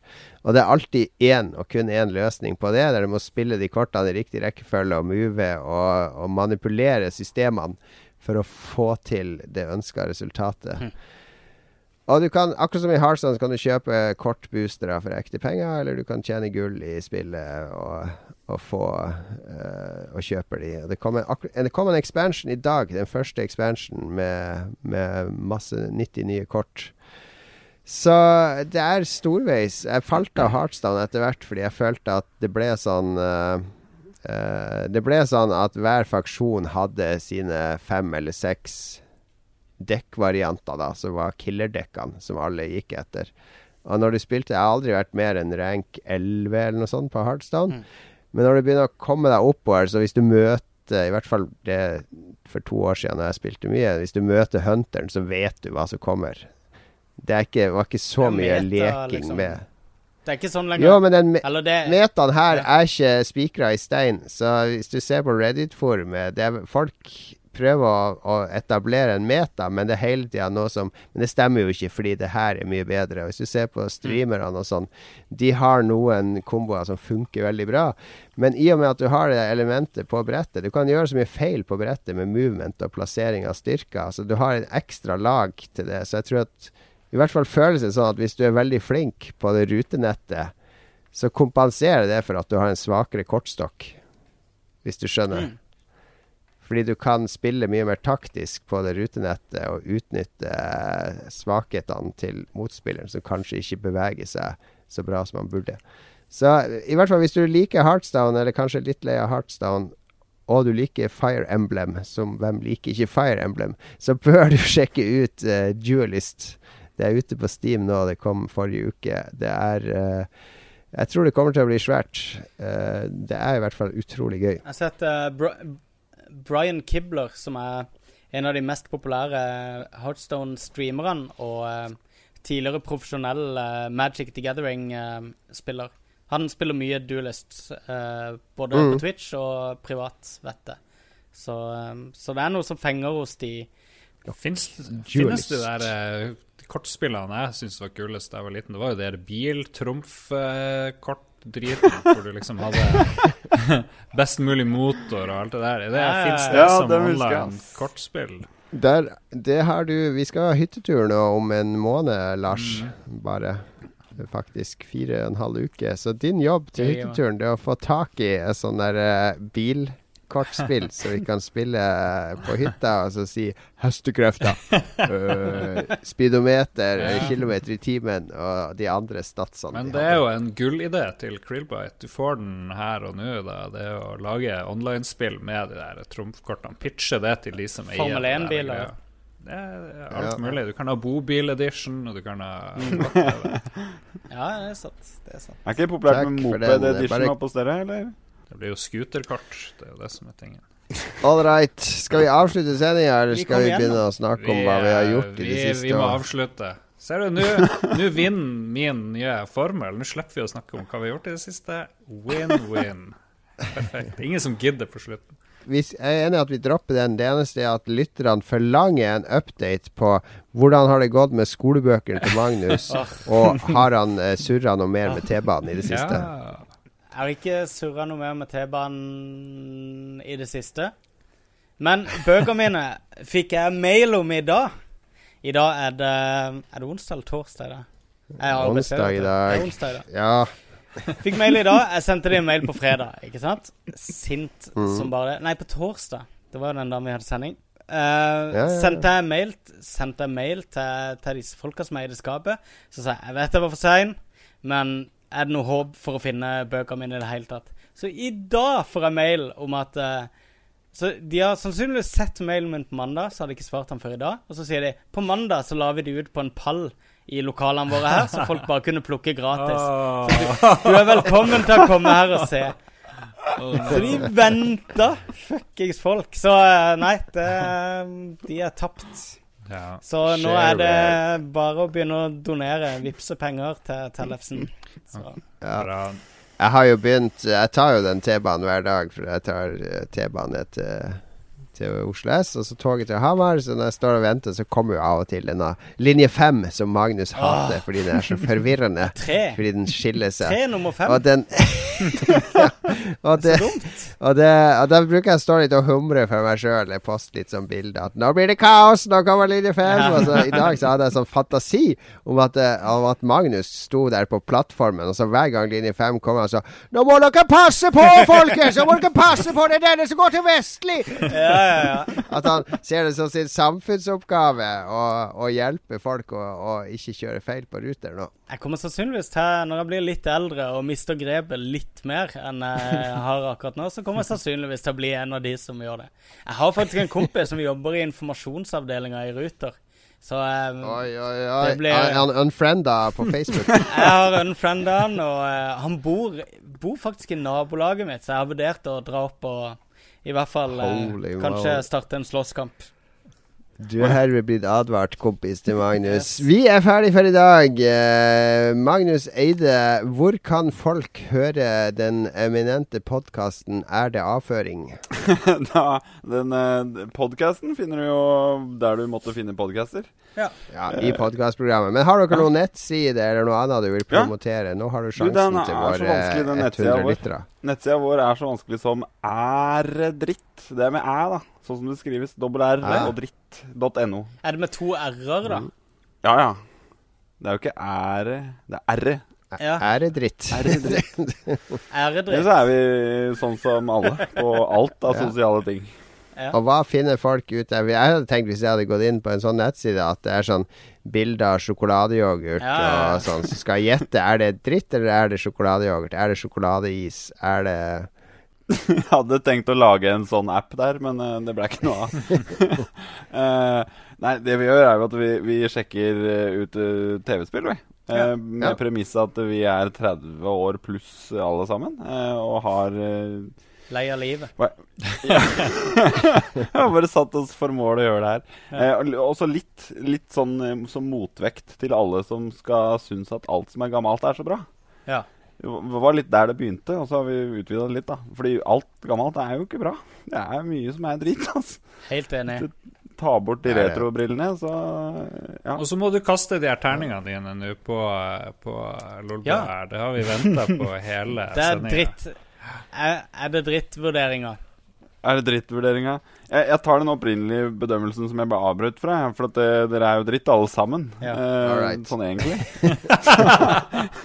Mud people. Og, og den, går, den går som følger, eh, den originale. Da har du eh, Jon Cato er på første, så har du Lars på andre og Magnus på tredje. Hey, Fuck you, buddy. Nå skal jeg forklare hvorfor. Ja. Fordi den ene gangen jeg har truffet dere eh, i virkeligheten, da, samtidig, da, ja. Eh, så er det den rekkefølgen dere gikk i min verden gikk ned i alkoholens undergrunn. Ah. Oh, ok. Var Jon Cato først? Eh, I min verden så var han jeg, Det kan egentlig ikke stemme. Jeg vil si jeg at. Lars Jeg ganske tror- definitivt, hvis vi snakker om episode 100 her, så vil jeg si det. at Det eh, stemmer Lars nok, det, altså. Både jeg og Jon Cato ble jo kasta ut av uh, Tilt, så jeg vet ikke. klokka ti. Er delt førsteplass der. Ja. Så må du bare huske er at jeg ofte healer i eh, Overwatch når vi spiller sammen. Så Ja. eh, den rangeringa Oh kommer oh til å bære nag. oh, ta den tunga ut av rumpa til Magnus Magnus. Nå er vi ferdig. Uh, sjekk ut rdritt.no eller .com, eller hvor de er for noe. Uh, men først og fremst sjekk ut lolbua.no, der de to drittfolka Lars og Jon Cato eh, styrer skuta sammen med den litt mindre drittkaren Magnus. Eh, vi er på Twitter og Lolbua er dritt er vel eh, også på Twitter. At R-dritt der. Ja, R. du tok en eh, vri der. Er ikke jitt? R-dritt. R-dritt. jeg- Det er så gamle folk. Så må vi si at vi kommer ikke gjennom eh, så veldig mange lytterspørsmål, så vi tar de Nei. neste gang, kanskje. Satser vi på. Fikk noen bra spørsmål. Ja. Ja, vi gjorde det. Vi sparer de til neste gang. Um, ja. Vi Vi høres igjen om en uke. Temaet neste uke er ikke det som står øverst i sendeskjemaet, går ut fra, så vi finner på noe Å, kan vi plugge quizen vår eh, denne gangen, Jon? For det at uh, Mm. denne sendinga kom på fredag, så førstkommende Ja. tirsdag så skal vi ha quiz igjen. Da begynner vi neste sesong på Tilt. Riktig, riktig. Ja. Quiz på tirsdag på Tilt. Kom, kom og delta. Det er ikke så langt fra Hokksund til, eh, til Tilt, så Nei, nei, vi regner med å se riktig, Magnus der. God dagsmarsj. Eh, helt på slutten, vi har nevnt det så vidt allerede, men det blir hyttetur om en måned med meg og Lars. Den årlige hytteturen. Hvis noen lyttere har noen gode forslag til reportasjeideer eller ting vi bør gjøre og spørre vårt store entourage om der. Vi vet jo at vi har jo eh, filosofen Knut, vi har sci-fi-eksperten Frank der, vi har eh, doktor eh, Doktor Nilsen, som, som er Han er faktisk den legen i Norge med kaldest hender. Han blitt kåra til. Så det er mye interessante folk der som kan bidra med sin ekspertise. Har du noe du lurer på til hytteturen, eller noen tips til ting vi skal gjøre der, sånn reportasjemessig, så send det inn. Takk for denne gangen. Ha det godt. Ha det Ha det bra.